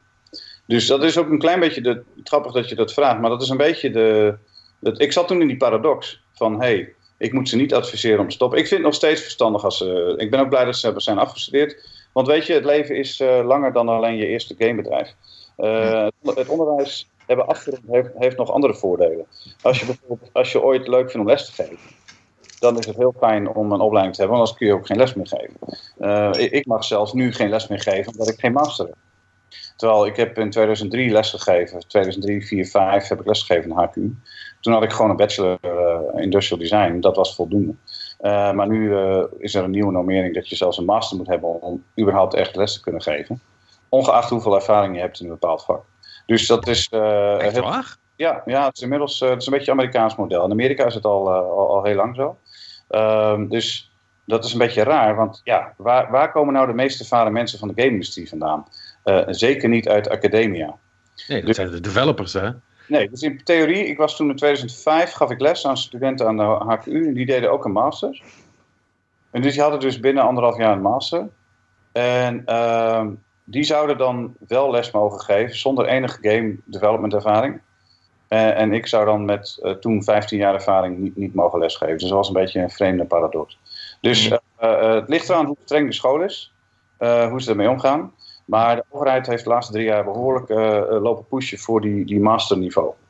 En afhankelijk van de school mag je überhaupt sommige scholen wordt je cv niet eens meer gekeken als je niet een master hebt. Geldt dat voor alles trouwens? Dus ik neem aan dat ze niet een specifiek gameopleiding hebben. Nee, dat geldt gewoon voor Nederland. Ja, ja, ja. Ja, voor alles. Ja. Ik hoor het wel veel dat heel veel mensen, studenten, nu naar master gaan. Gelijk eigenlijk al. Ja. En ik, snap nu wel, ik snap nu de reden wel ervan, inderdaad. Ja. Dat is nu inderdaad ook wel de norm. Ik, ik weet nog, mm. toen ik afstudeerde, heel, heel, heel, heel lang geleden.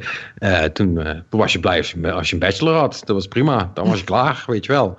En ja. master, de, de, de master, dat was voor de, voor de jaggies, zeg maar. Ja. Uh.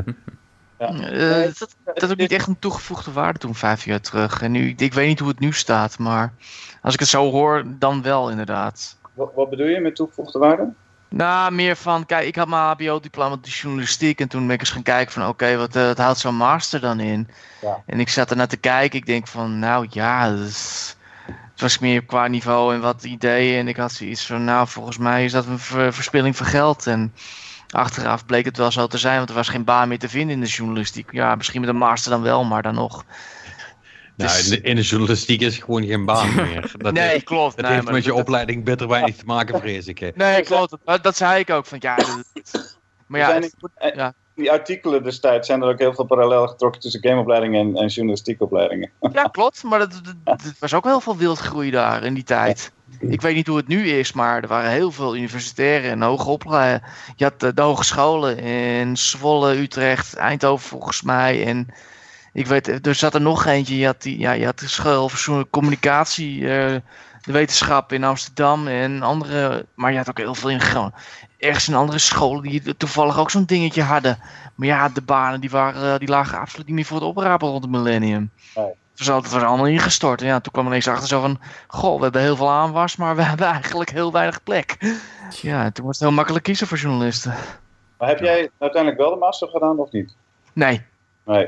Maar zou je, kijk, maar nou zeggen, als het goed is, ik zou het nu heel leuk vinden om een master te doen. Ik heb er nu de tijd niet voor, maar ik zou het wel heel leuk vinden. Nu, nu dat ik bijna 20 jaar heb gewerkt, zou ik het heel leuk vinden om een master te doen om wat dingen te reflecteren en ook wat nieuwe dingen te leren. Uh, maar nu heb, ik, nu heb ik de tijd er echt niet voor met mijn gezin en alles. Terwijl, maar als student, ja, als ik net de bachelor heb gedaan en ik ga meteen door een master, dan heb ik nog niet echt een doorleefde, uh, hoe zeg je dat, ben ik nog niet doorleefd in een bepaald vakgebied. Nee, ja. ja je, je, kunt er natuurlijk lang over discussiëren of, of, het inderdaad, dat is wat Martijn denk ik ook bedoelt, mhm. eh, wat dan echt de toegevoegde waarde is van zo'n master op dat moment. Ja. ja.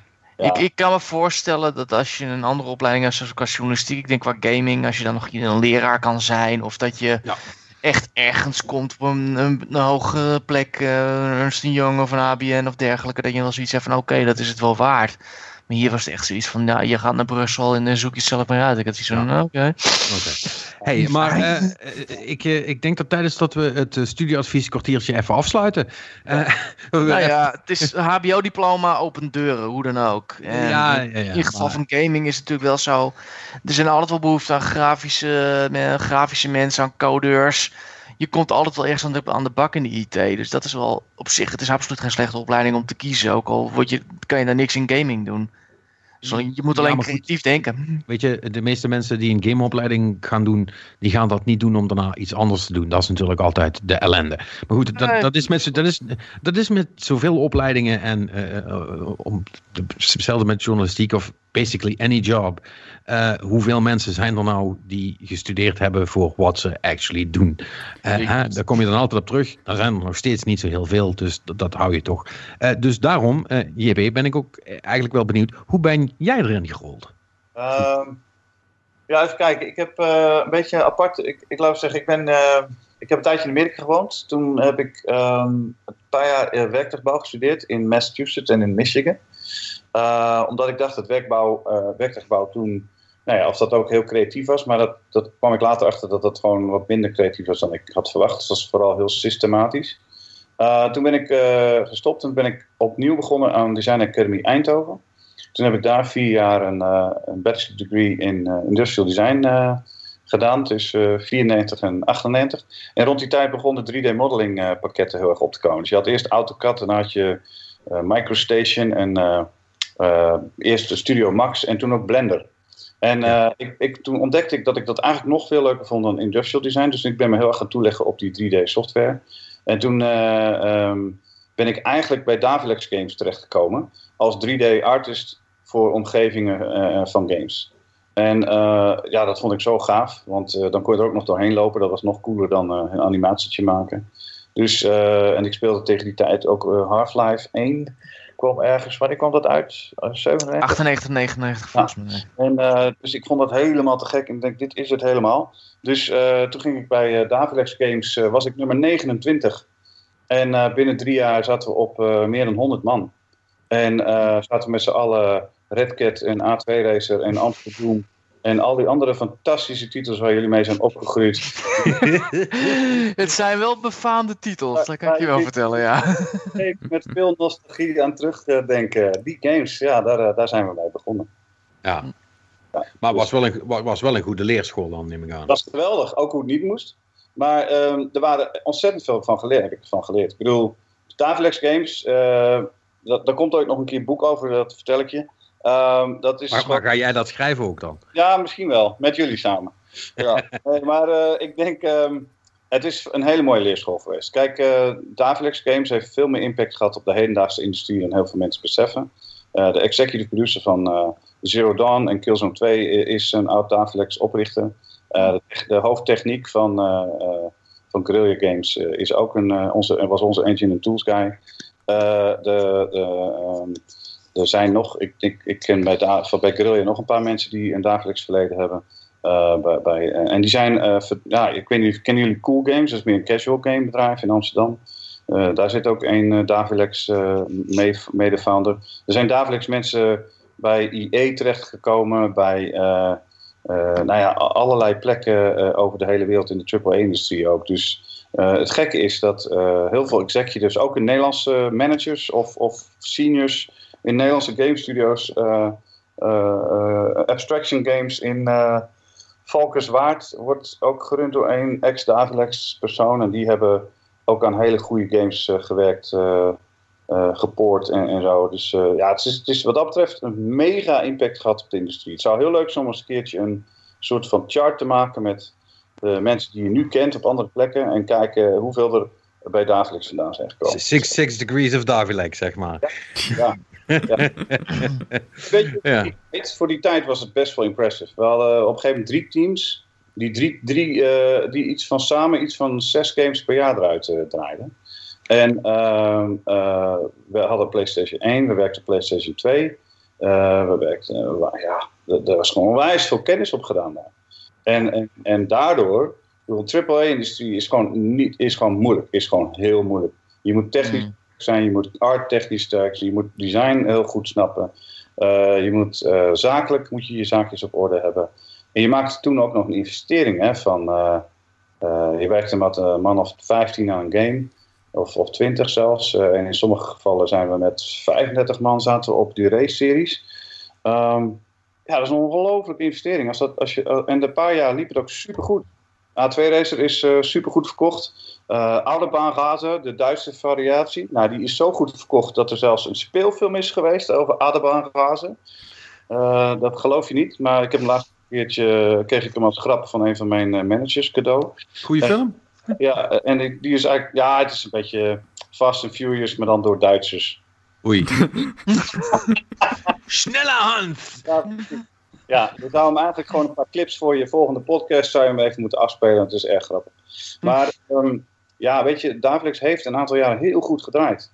Alleen laatst uh, sprak ik met een van de oprichters en die zei... Uh, wij zaten eigenlijk in een rare space tussen casual en AAA... Uh, die toen eigenlijk nog niet bestond. En, en daardoor begrepen mensen die games niet. Dus iedereen vergeleek onze Amsterdam met Half-Life...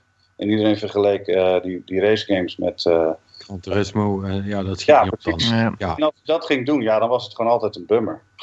Ja, ja, Maar, uh, ja, maar het was, het, was, het was toch... Ja, ik heb met veel plezier gewerkt. Ook heb ik ook gehaat hoor. Ik heb ook dingen gedacht dat ik dacht, jongens, ik ga weg. Uh, ik ben uiteindelijk ook weggegaan uit mezelf. Ik heb uh, op een gegeven moment gewoon opgezegd na Night Rider. Toen dacht ik, het komt nou uh, niet meer goed. En toen uh, ben ik naar Hawaii gegaan. Heb ik vier maanden gewinst om even uit, te, uit te waaien.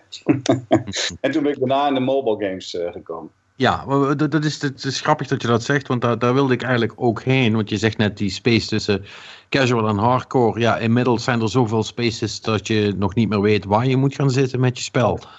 Uh, is dat iets waar je ook wel ziet dat, dat de, de nieuwe lichting uh, gamemakers een beetje mee struggelt, zeg maar? Ze niet precies weten waar ze op het spectrum moeten gaan zitten? Of?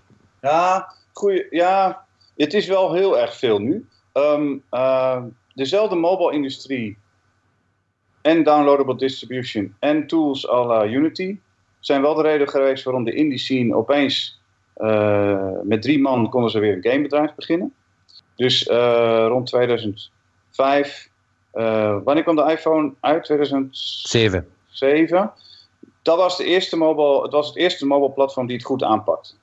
Want ja. uh, de App Store, dat is namelijk de revolutie geweest van de iPhone. Dat was 2009 inderdaad. Ja. Maar uh, ik denk dat ik weet waar je heen wil. Ja. Dat ging toen heel even, maar die vlieger gaat nu niet meer op. Nee, klopt. Ja. Ja, dus inderdaad, je hebt twee dingen. Je hebt uh, discoverability, dus het is gewoon te vol. Alles is te vol, ook Steam. Het is gewoon te vol. Dus hoe kom je daar dan, hoe val je daarin op? Dus dat is intimiderend nu voor nieuwe startups. En de andere vraag die je had is van welk platform ga ik nu pakken? Um, ja, dat is een lastige vraag. Kijk, iedereen die naar zijn voorbeelden kijkt, oh die doen een Steam game, oh dan ga ik ook een Steam game doen. Dat gebeurt natuurlijk heel vaak. Um, het zou ook zelfs slim kunnen zijn om eens een platform te pakken wat uh, een beetje nieuw is of onontdekt. Uh, alleen het risico daarna is als het, als het niks wordt, dan. Uh, bijvoorbeeld WiiWare was er eventjes. Ja. WiiWare was in het begin, heeft Ronimo zijn eerste Swords of Soldiers, hebben ze op WiiWare uitgebracht. Nou, fantastisch. WiiWare, het was nog leeg. Er was nog heel veel Nintendo. Nou, die zullen dat wel goed aanpakken, dus dat komt allemaal goed. Nou, toen waren zij, zaten ze in de top 10 van de WiiWare games. Alleen WiiWare verkoopt gewoon geen bal. Dus, dus, waren, dus was nog niks. Nee, dus ze waren binnen WiiWare waren ze eigenlijk best wel een succesnummer. Alleen WiiWare was gewoon flop. Dus ja, dat, dat was gewoon, daar hebben ze gewoon niet, uh, niet nou, volgens mij echt niks aan verdiend. En uh, uh, later werd het een succes op de, op de Wii. En ja, even kijken, Sword Sword is ook nog een mobile game geworden. En, en Awesome Nuts was echt hun, hun klapper. Maar zo, zo, zo, terwijl toen zij die keuze maakte voor WiiWare, was het logisch. Ik, ik, ik raadde het al die starters ook aan. Ik denk, nou, dat komt wel goed met dat WiiWare. Nou, niet dus. Dus ja. dat zijn lastige keuzes. En ook nu, ook voor mij. Twee jaar geleden was ik super sceptisch over VR. Uh, eh, want ik heb zelf een 3D-achtergrond, dus ik weet hoeveel werk het is. En uh, ik, ik, weet ook hoe je die stereo-dia's moet maken en dat het met je ogen soms niet lekker loopt. Toen kwam uh, Arthur Houtman van, van, van Vanguard, die toen nog nu Force VR, die vertelde mij dat ze een hele studio hadden omgegooid van free-to-play naar uh, eh, VR en AR. En toen was ik echt van, hè, waarom doe je dat? Uh, en omdat het Arthur was uh, en ik ken hem en ik weet dat hij gewoon een sluwe vos is die heel goed weet wat er speelt. Toen ben ik eens gaan kijken. En toen heeft hij mij wat dingen uitgelegd. van, nou ja, ja, maar let op, in 2018, 19, dan, moet je, dan gaat het gebeuren. En, dus... en, dan moet je dan, en dan moet je er wel klaar voor zijn. Dat is dan de redenering. Ja. Hm. Nu investeren om straks uh, vooraan te staan. Ja, maar Arthur, Arthur Houtman en Martin Dronne, die hebben het gewoon wel meteen heel goed aangepakt.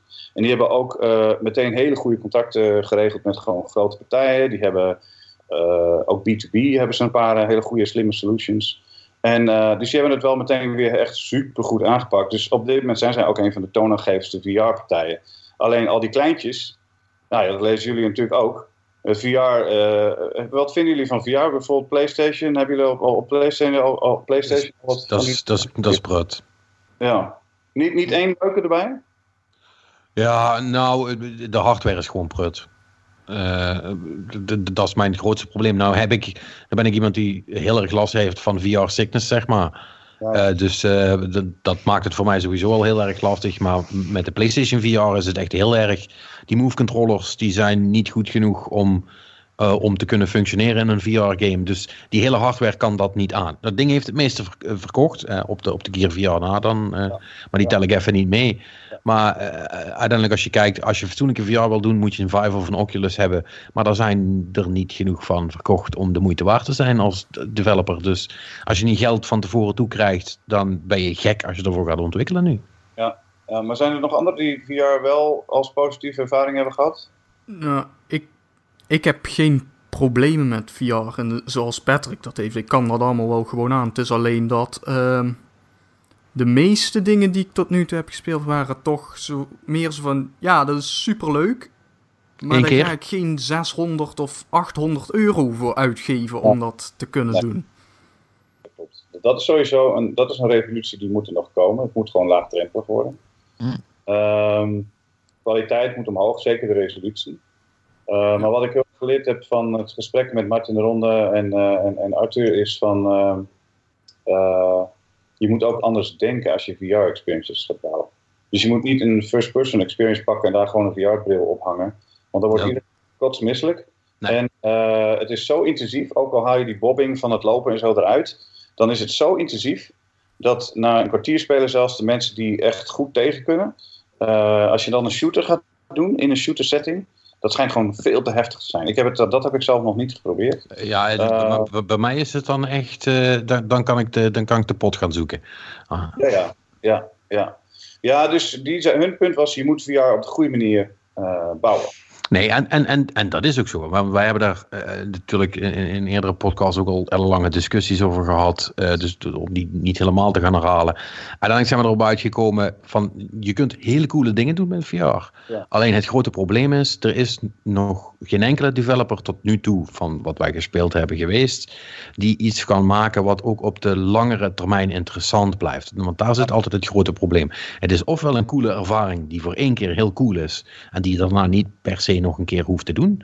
Of het is iets wat op multiplayer gestoeld is en wat daardoor door de noodzaak om dat spannend te maken vaak te heftig is of niet goed werkt. Ja, oké. oké. ja. Nou ja, goed. Ik, ik, uh, kennen jullie Nexus? Uh, die mm. doen de ports uh, van Square Enix, toch? Ja, onder andere. Ja. ja, ja, ja. ja. Nou, die hebben ook de VR-experience voor Tomb Raider gedaan. Uh, dus Tomb Raider... Um, in dat huis? Uh, ja. Of die mansion? Ja, die. Ja. Dus in plaats van de, de Tomb Raider game te pakken, hebben ze gewoon een aparte experience uh, gebouwd. Ook om die reden. Om, om ja, zeg maar, echt specifiek wat wel werkt met VR. dus de, en ik, ik heb hem maar even gespeeld hoor. En ze hebben gewoon een paar van die dingetjes. Zodat, weet je dat je niet gaat lopen, maar dat je gewoon uh, ergens op klikt en dan word je getransporteerd naar uh, dat, dat, dat, plekje. Maar uh, ja, dat ziet er wel, wel goed uit. Het is wel gewoon visueel goede kwaliteit. Ja. maar het is vooral de kunst om iets te verzinnen. Wat zeg maar ehm, echt past bij VR. wat werkt zonder dat je ziek wordt. Maar toch een added immersion geeft over wat je als gewone 3D-gamer gewend Ja, klopt. En, en, maar wat Marnik zegt, dat klopt natuurlijk ook. Uh, dat is nu ook nog een heel groot struikelblok. Want um, voor een be beetje extra immersion, ik neem als voorbeeld een game als Rez. Ik weet niet of je die kent of gespeeld ja, ja. hebt. Ja. ja, vroeger die was, uh, die had ja, die, van, uh, een ontzettend, uh, was een PlayStation 2 volgens mij een mega hit, als ik me goed herinner. Ja, niet, het was niet zo'n super grote hit, maar hij heeft het wel aardig gedaan. Het was origineel een Dreamcast game. En dat is echt zo'n immersion, immersion game ook. En daar hebben ze een VR-versie van gemaakt. Nou, die is te gek. En dat is niet first okay. person. Dat is gewoon cool. Dat is gewoon extra cool als je het in VR speelt. En dat werkt ook oh. heel goed. Een van de weinige spellen die ik heel lang kan spelen zonder ziek te worden. Okay. En, dat, en dat is tof. Ja. Alleen, niet 600 euro tof. Dat is altijd het probleem.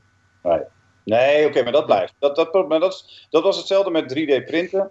Dat was uh, tien jaar geleden of twintig jaar geleden ook hetzelfde met inkjet printers. Ja. Ik bedoel, uh, uiteindelijk gaat dat goedkoper worden. Dus laten we ervan uitgaan dat we, dat we daarvoor uh, uiteindelijk niet zoveel extra geld hoeven uitgeven. Heb, heb je dan, dan nou, laat ik zeggen, ik kom even bij mezelf terug. Ik was eerst heel sceptisch vanwege alle barrières. Toen dacht ik van oké, okay, cool. Toen zag ik de tegenvallende resultaten van het afgelopen jaar van al die platformen. Dus nu zit ik ook een beetje te wachten op dat hele goedkope platform. Om te zien wat het als consumentending gaat werken. Waar ik het wel zie werken, op dit moment waar het ook zakelijk interessant is, is de B2B-markt. Ja. Want de B2B-market heeft gewoon per project meer geld om iets te doen. En je hebt ook die arcadehallen. en die hebben op dit moment wel weer een soort van opleving door VR. Klopt, want, dat, want het, we zijn weer wat dat betreft terug bij af in de jaren tachtig. Waar je in zo'n arcadehal uh, uh, dingen kunt doen en ervaringen kunt hebben die je thuis, of die de meeste mensen thuis niet kunnen betalen. Maar die wel cool zijn om eens een keer te doen. Ja, ja. ja. En, dat en wat je zegt van B2B, dat, dat klopt ook. Uh, weet je wel, ik, ik heb een hoop eh, demos gezien van, uh, van trainingsmiddelen. mensen die een soort van heftruck hebben nagebouwd. Om heftrucktrainingen te geven aan mensen met het stapelen van dozen. waar ze nog eens iets kunnen laten vallen zonder dat ze meteen een nieuwe heftruck en de helft van het magazijn hoeven te vervangen, zeg maar. Maar wat wel basically aanvoelt zoals the real thing. En door zo'n VR-bril heb je die, die hele immersion ook. En zitten alle knopjes waar ze moeten zitten en noem het maar allemaal op. En ja, daar is het fantastisch voor. En, en VR gaat er ook wel komen hoor. Alleen ja, de games applicaties, die, dat, dat duurt nog. Dat duurt nog steeds. Ja, Nee, klopt. Nou ja, maar je vroeg, een van jullie vroeg mij net ook van wat zou je dan, welk platform zouden ze dan moeten kiezen of welke nieuwe startups. Dus ik ben ook een beetje sceptisch geweest van, van, van jonge startups adviseren om, om VR en AR te gaan proberen. Uh, aan de andere kant, ze zijn nog jong, weet je wel. Degene die met zijn 23e jaar beginnen, die kunnen gewoon nu even gaan voor wat ze leuk vinden. En uh, ze kunnen in twee jaar ondernemen niet zoveel schuld opbouwen uh, dat, ze, dat ze daar nooit meer uitkomen. Ja. Dus, dus, ik moet zeggen, want even terugkomen op die vraag, wat adviseer ik mensen waarvan ik nog niet weet wat ze worden? Als ze jong zijn, dan zeg ik van, nou, probeer het. En als, ze, als ze 35 zijn en ze zetten het hele huis en hun gezin op het spel en ik vind ze niet goed genoeg, dan, eh, eh, dan zeg ik wel wat anders. Dan adviseer ik ze om misschien eh, iets anders te gaan doen. Ja. maar ja, het, het, is gewoon, het is veel nu. Wat, er komen elke keer weer platformen bij, die gaan weer weg. Wat hadden we nou een paar jaar geleden? Die, die Ouya. En ehm, ehm, er waren, ja, je hebt Raspberry, Raspberry Pi game. Je hebt tv-boxen waarvan het nog steeds niet duidelijk is waar gaan ze naartoe. Uh, weet je wel, uh, gaan we nou op Apple TV nou wel of niet gamen? En wat, doet, en wat doet Valve? Nou eigenlijk gaan ze nou wel een, uh, een Steambox uitbrengen of niet? En ehm, want ik geloof dat Valve destijds ervoor ging omdat Microsoft begon Windows 8 of, of zo dicht te bouwen. Zodat je ja, klopt. En, en toen dacht uh, Amahula, dat gaat niet gebeuren. En daarna is het weer wat opengegooid. Dus toen had Valve ook de urgentie om een, om, een, om een Steambox te maken, is wat afgenomen. Ja, maar, uh, ja, maar gaat dat wat worden? Gaan we nou uh, gaan we op een gegeven moment alles op één doosje doen nee. onder de televisie? Dat, gaat nooit, dat gaat toch nooit gebeuren? Nee, dat denk ik ook niet. Mm. Dus je moet, denk wel dat het zou kunnen, maar voordat het echt dominant is, ik denk uh, dat je ondertussen de smartphone heeft laten zien en de, en de iPads uh, dat je ook best wel veel kan, uh, kan doen op, uh, op dat soort devices. Ook voor, ook voor echte gamers. aan de andere kant, de directheid van een controller of van een muis, keyboard blijft voor mij persoonlijk toch de voorkeur als het gaat om agility en snelheid. Ja, dat is, dat is misschien een leeftijdsding. Ook, ook. Ik ben echt een keyboard-muizer. Ik kan absoluut, iedereen kan mij afmaken met een console shooter. Ik heb gewoon nooit de tijd genomen om, om dat te leren. Dus ik, uh, ik, ik ben gewoon echt van de muis en keyboard. En uh, dan, dat, dan, dan voel ik me lekker. Maar ik kan dat uh, bijvoorbeeld met een, een console. Ja, ik, ik, mijn neefjes van, van, van 20, die, die kunnen mij gehakt van mij maken in, met Half-Life Deathmatch of zoiets. Maar, maar, als ik hun met PC game, dan, dan is het net andersom. Dus het is een beetje, een beetje gek. maar, maar goed, het, het verandert. Wat, wat ik het interessante vind aan deze business, is dat het elk half jaar heb ik het idee dat de spelregels veranderen. Uh, dus elk half jaar komen er of nieuwe platformen bij, of er gaat opeens een nieuwe, zoals free-to-play. Weet je wel, we zijn van, we zijn van premium naar free-to-play gegaan binnen een paar jaar. Uh, toen had je opeens de, de supercells en zo, die gewoon mega scoorden met free-to-play. En nu is het weer VR, AR. Ik ben benieuwd wat het zakelijk, waar het gaat eindigen. Ehm, ja, dat vind ik wel fascinerend aan, de, aan dit werk is deze business, uh, there's only one thing for sure and that's nothing's for sure. Uh, for a longer time, weet je wel. Het is echt, uh, het verandert ja. Dus ja. ja. Ja, het blijft, blijft spannend. Ja. ja, dan, nou ja, dat, dat is wel wat. Maar er gebeurt inderdaad altijd wel wat. Het is misschien een goed moment om ook e-, nog even snel naar het nieuws te kijken. Voordat, uh, voordat we dadelijk uh, alsnog de twee uur voorbij schieten. En ik, had je, ik had je beloofd dat we het niet zo lang zouden, uh, zouden, ik heb maken. Het plat, dus ik, als het blijft hangen, dan blijf ik graag hangen. Dus. we gaan ons best doen. nieuws. Nou, 2017 mag misschien, zal misschien een Steam's grootste jaar ooit worden wat betreft nieuwe games. Uh, ze staan nu rond de 3500 en ze moeten nog een duizend te gaan. En dan hebben ze vorig jaar ingehaald. En schijnbaar sinds Steam Direct is geïntroduceerd zijn er ongeveer 1300 nieuwe games bijgekomen. Maar wacht even, dan hebben we dus over 4500 nieuwe games alleen in dit jaar. Alleen in dit jaar, ja. Jesus Christ, dat is, toch, dat, is toch geen, dat is toch geen doen meer, man. En dat is dan één platform, hè? Ja, mm.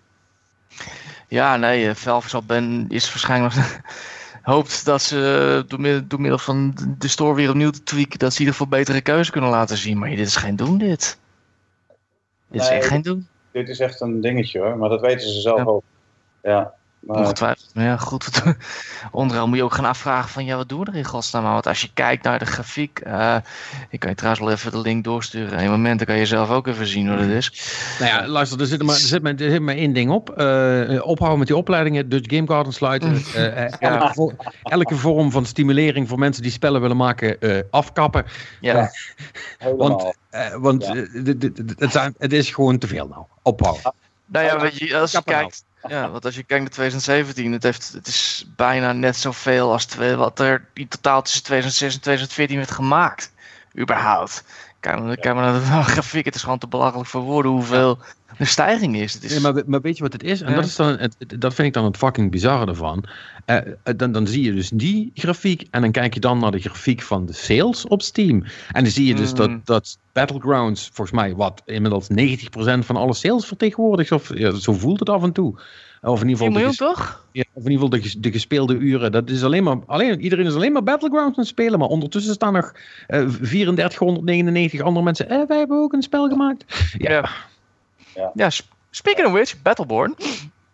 Nu we het toch erover hebben. Uh, Battleborn gaat uh, niet meer updaten na deze herfst. Uh, volgens Gearbox.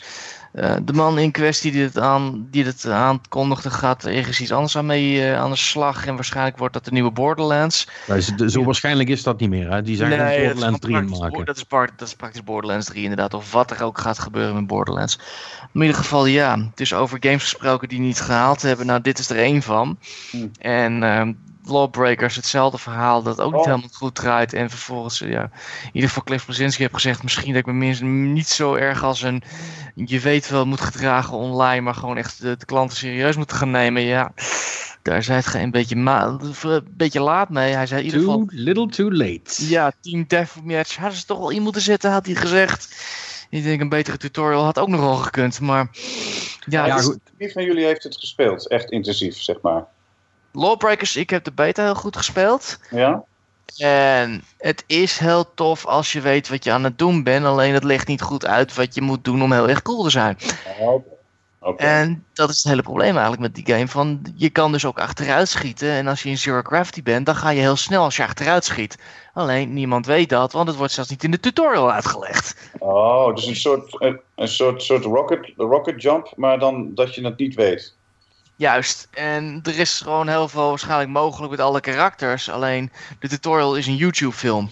Ja, weet dat werkt gewoon niet Zijn ze dan gemakzuchtig geweest, zeg je? Of wat, wat denk je dat er uh, heeft, uh, wat, wat, wat is er hier misgegaan? Vroeg gelanceerd, zou ik zeggen. Want ze waren obviously nog niet helemaal klaar. Als, als dat je oplossing is voor een tutorial, heb je niet de tijd gehad om een echte te bouwen. Dus ben je te vroeg gelanceerd, denk ik. Maar dit kun je toch... Maar dit kun je toch fixen? Of, of, uh, ja, maar het, is toch, het is toch al te laat? Ze hebben nu, wat hadden ze nou? 500? 500? Ja, het, is nu zelfs 191. 191 spelers die online waren. Afgelopen week was dat inderdaad op wow. Steam. Het spel is dood. Het is klaar. Dat komt niet meer goed. Dat is echt een probleem. Ah. Je kan, het enige wat ze kunnen doen is hopen dat ze nog een of andere manier het eruit uh, weer om. Uh, dan heb ik. to play. Dat is de enige oplossing die ze nog hebben. Maar dat is praktisch het woord, ja. Kennen jullie Arjan Brusset? Ja, ja. ja, ja, ja. ja, ja, want ik, ik kwam hem tegen op, op wat was het, GDC. Ehm, toen was hij nog helemaal vol verwachting. En ja, ik weet, als hij iets doet, maakt hij het wel goed. Ehm, maar ik vond het echt teleurstellend om te horen dat het zo slecht ging. Ik heb het zelf nog niet, nog niet gespeeld. Maar ja, ze hebben wel ik vond het echt zonde. Ik vind het gewoon heel erg jammer.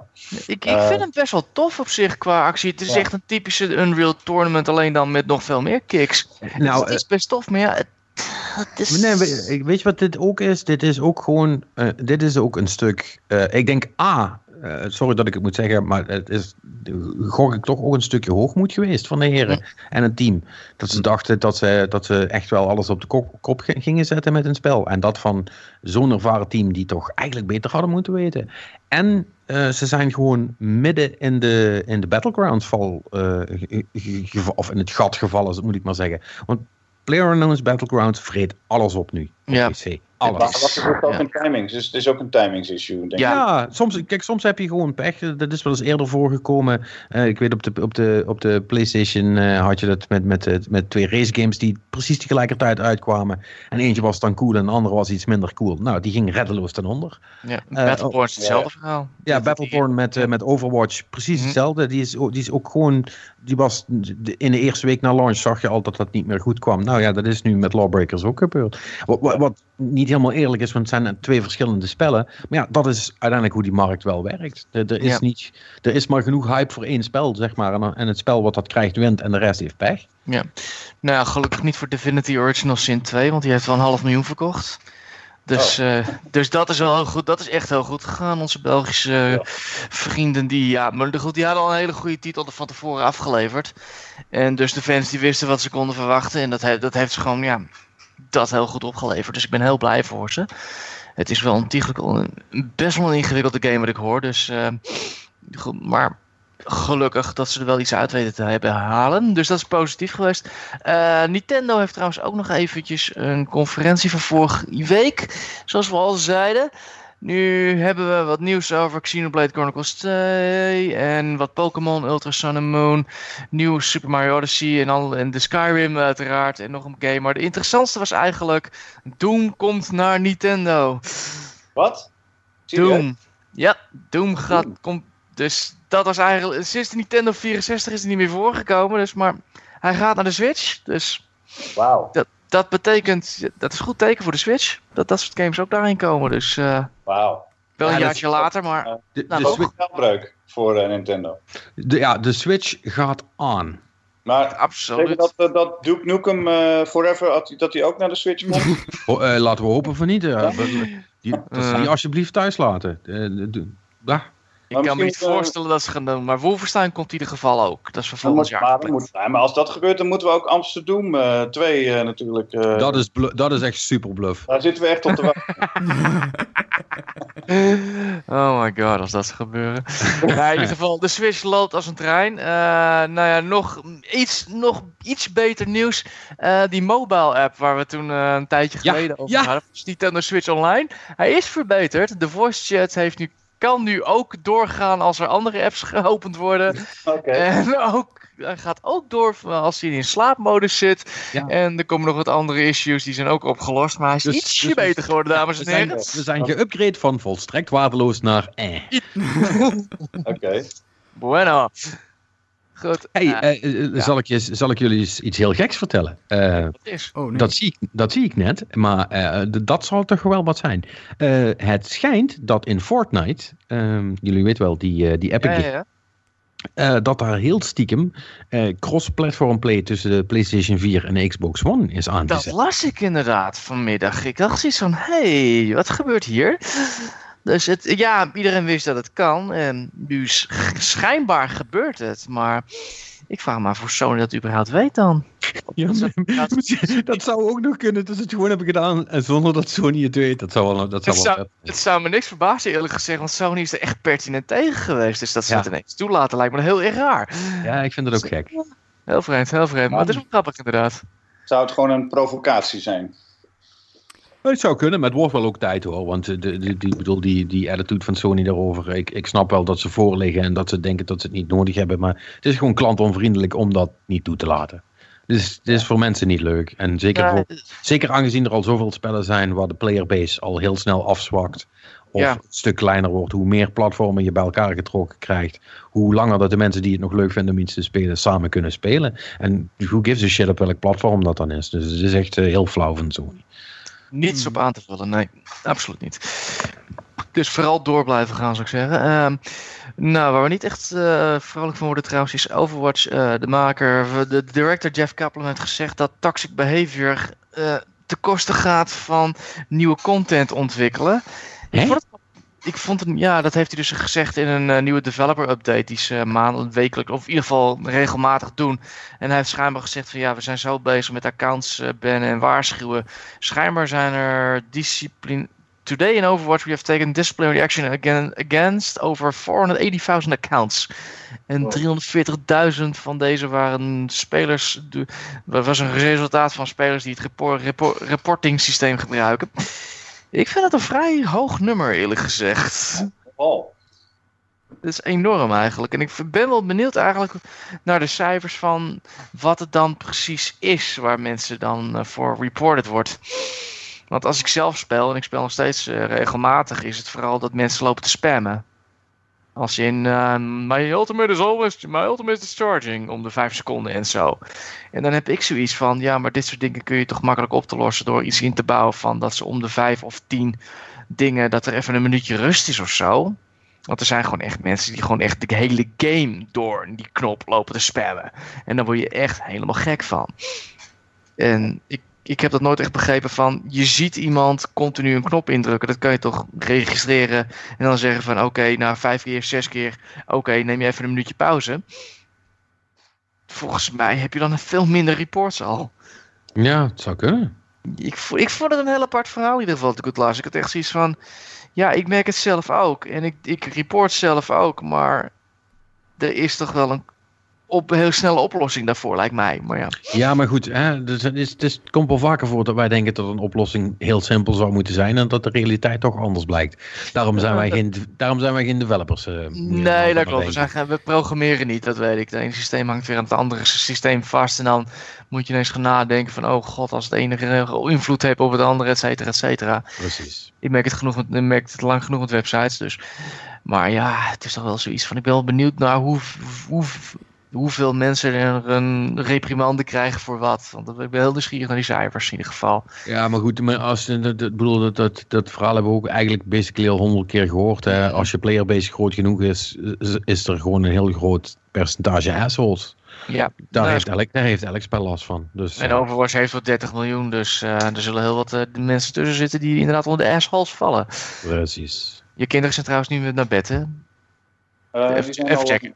Die liggen okay, nee, nee, nee dat, is, dat is goed. Dat, uh, ja. Daar ging ik toch wel vanuit. Mooi. En uh, verder, uh, de, de co-director van Last of Us en Uncharted 4, die, die gaat weg bij Naughty Dog na 18 jaar. De heer Bruce Straley gaat iets anders doen. En ik denk dat hij dat wel verdiend heeft. Na 18 jaar mag je daar niet over zeuren. Precies. nee, lijkt me 18 jaar heb je wel je, je pay your dues, zeg maar. Ja, dan heb je je portie wel gehad, inderdaad. Waar je ook zit. Mm. Dus uh, wat dat betreft. Uh... Nee, uh, voor de rest, um, de, de, Tokyo Game Show is, um, is gaande. Hè? Ja, morgen vroeg is om 9 uur Nederlandse tijd heeft Sony schijnbaar een persconferentie. Ja, hebben die de persconferentie, dat klopt. Hmm. Dus daar kunnen we nu niks over zeggen, maar dan hebben we volgende week wel wat om over te praten. Ja, misschien misschien kondigen ze wel een nieuwe From Software game aan, je weet het nee, niet. Nee, nee. Jawel. Ja, jawel, dat gaan ze gewoon doen. Ik zeg dat ze dat gaan doen. Ligt trouwens aan mij of was deze echt onder de radar? Uh, want... Wat, Tokyo Game Show? Ik wist dat hij eraan kwam, maar dat hij... Nee. Dat... Ineens zal, ik, zal ik je vertellen hoe dat komt? Dat is de Tokyo Game Show naarmate de jaren gevorderd zijn steeds minder relevant is geworden. Dus niemand is er ook meer mee bezig. Tien, jaar geleden, of misschien zelfs vijf jaar geleden, dus het is moeilijk om ver terug te denken. Maar eh, jaren geleden was dat ook echt, oh, Tokyo Game Show, oh, wat gaan we krijgen? Oh, oh, oh, weet je wel, was iedereen daar al weken van tevoren mee bezig. Ja, dat is nou niet meer. Nee, dat is ook precies wat ik wilde zeggen. Zo van, oh god, die was er ook nog. Oh, is die nu? Oh, ja, oké. Er worden, toch alleen maar rare random anime games aangekondigd, dus who cares of zo. Ja, maar ik vind het wel apart trouwens dat, die, eh, dat Nintendo, eh, sorry, dat Sony inderdaad daar nog wat aan een persconferentie heeft. Want ik dacht dat ze alles naar Parijs uh, overhevelen. Ah, ja. Uh, rare anime games moeten in Japan ook aangekondigd worden, dus dat gebeurt daar. Ja, ik denk dat het ook de meest geschikte plek is inderdaad. Ja. Dus uh, dat, dat, dat, zal vast wel één of twee dingen uh, uitkomen die wij ook interessant vinden. Maar ja, uh, de, de, de ervaring leert de laatste paar jaar dat dat toch allemaal niet zo heel spannend gaat zijn. Dus ja. Nope. We zullen het wel zien. Dat zien we dan volgende week alweer. Um, voor nu um, gaan, we er, gaan we er een einde aan breien. JP, hartstikke bedankt. Ja, ook bedankt. Ik vond het heel leuk om even met jullie kennis te maken. Ja, ja. Nou, ehm, eh, veel succes met eh, deze show. En eh, ik ben wel benieuwd wat jullie verder nog gaan bespreken de komende maanden. Dat, Heel veel, dat kan ik je wel vertellen. Ja. ja. Als je ergens op kunt rekenen, is dat wij wel dingen te zeggen hebben. Dat komt altijd goed. dus uh, ja, ja yep. ook, veel succes met de, met de Dutch Game Garden. En, en het, eh, het, het begeleiden van die o zo eigenwijze uh, jonge gamemakers. Ja, ja, uh, ja. Nee, we zullen de markt blijven overspoelen met kansloze developers. ja, goed, goed dat, is, dat is fijn om te horen. Hebben wij tenminste wat om te reviewen. Ja, precies. Exact. kunnen, kunnen we gewoon weer eens af en toe kwaad maken. Nee, uh, de, de, superleuk. En uh, we, we, zien je gewoon uh, over een tijdje nog een keer terug. Als jullie nog, als jullie nog eens wat spannends gaan doen. En ja, jullie ook luisteraars, bedankt weer voor het luisteren. Wij zijn er volgende week weer, ook weer met een, met een speciale gast. En dat kan ik wel al verklappen. Dat wordt een, een YouTuber. En, en een vrij bekende ook nog. Marnix, uh, Martijn uh, en uh, tot een paar weken geleden, ik zou hem niet herkend hebben, al had hij zichzelf paars geverfd vermoedelijk. Maar onder de kids is het, een, is het wel, een, wel een bekende gast, dus het is wel leuk dat hij even langskomt. Dan gaan we het met hem hebben over hoe dat inmiddels allemaal werkt en waar hij nog mee bezig is. Dus dat is dan voor volgende week. Dus tot die tijd, bedankt voor het luisteren nogmaals en tot volgende week bij een nieuwe Game Cowboys podcast.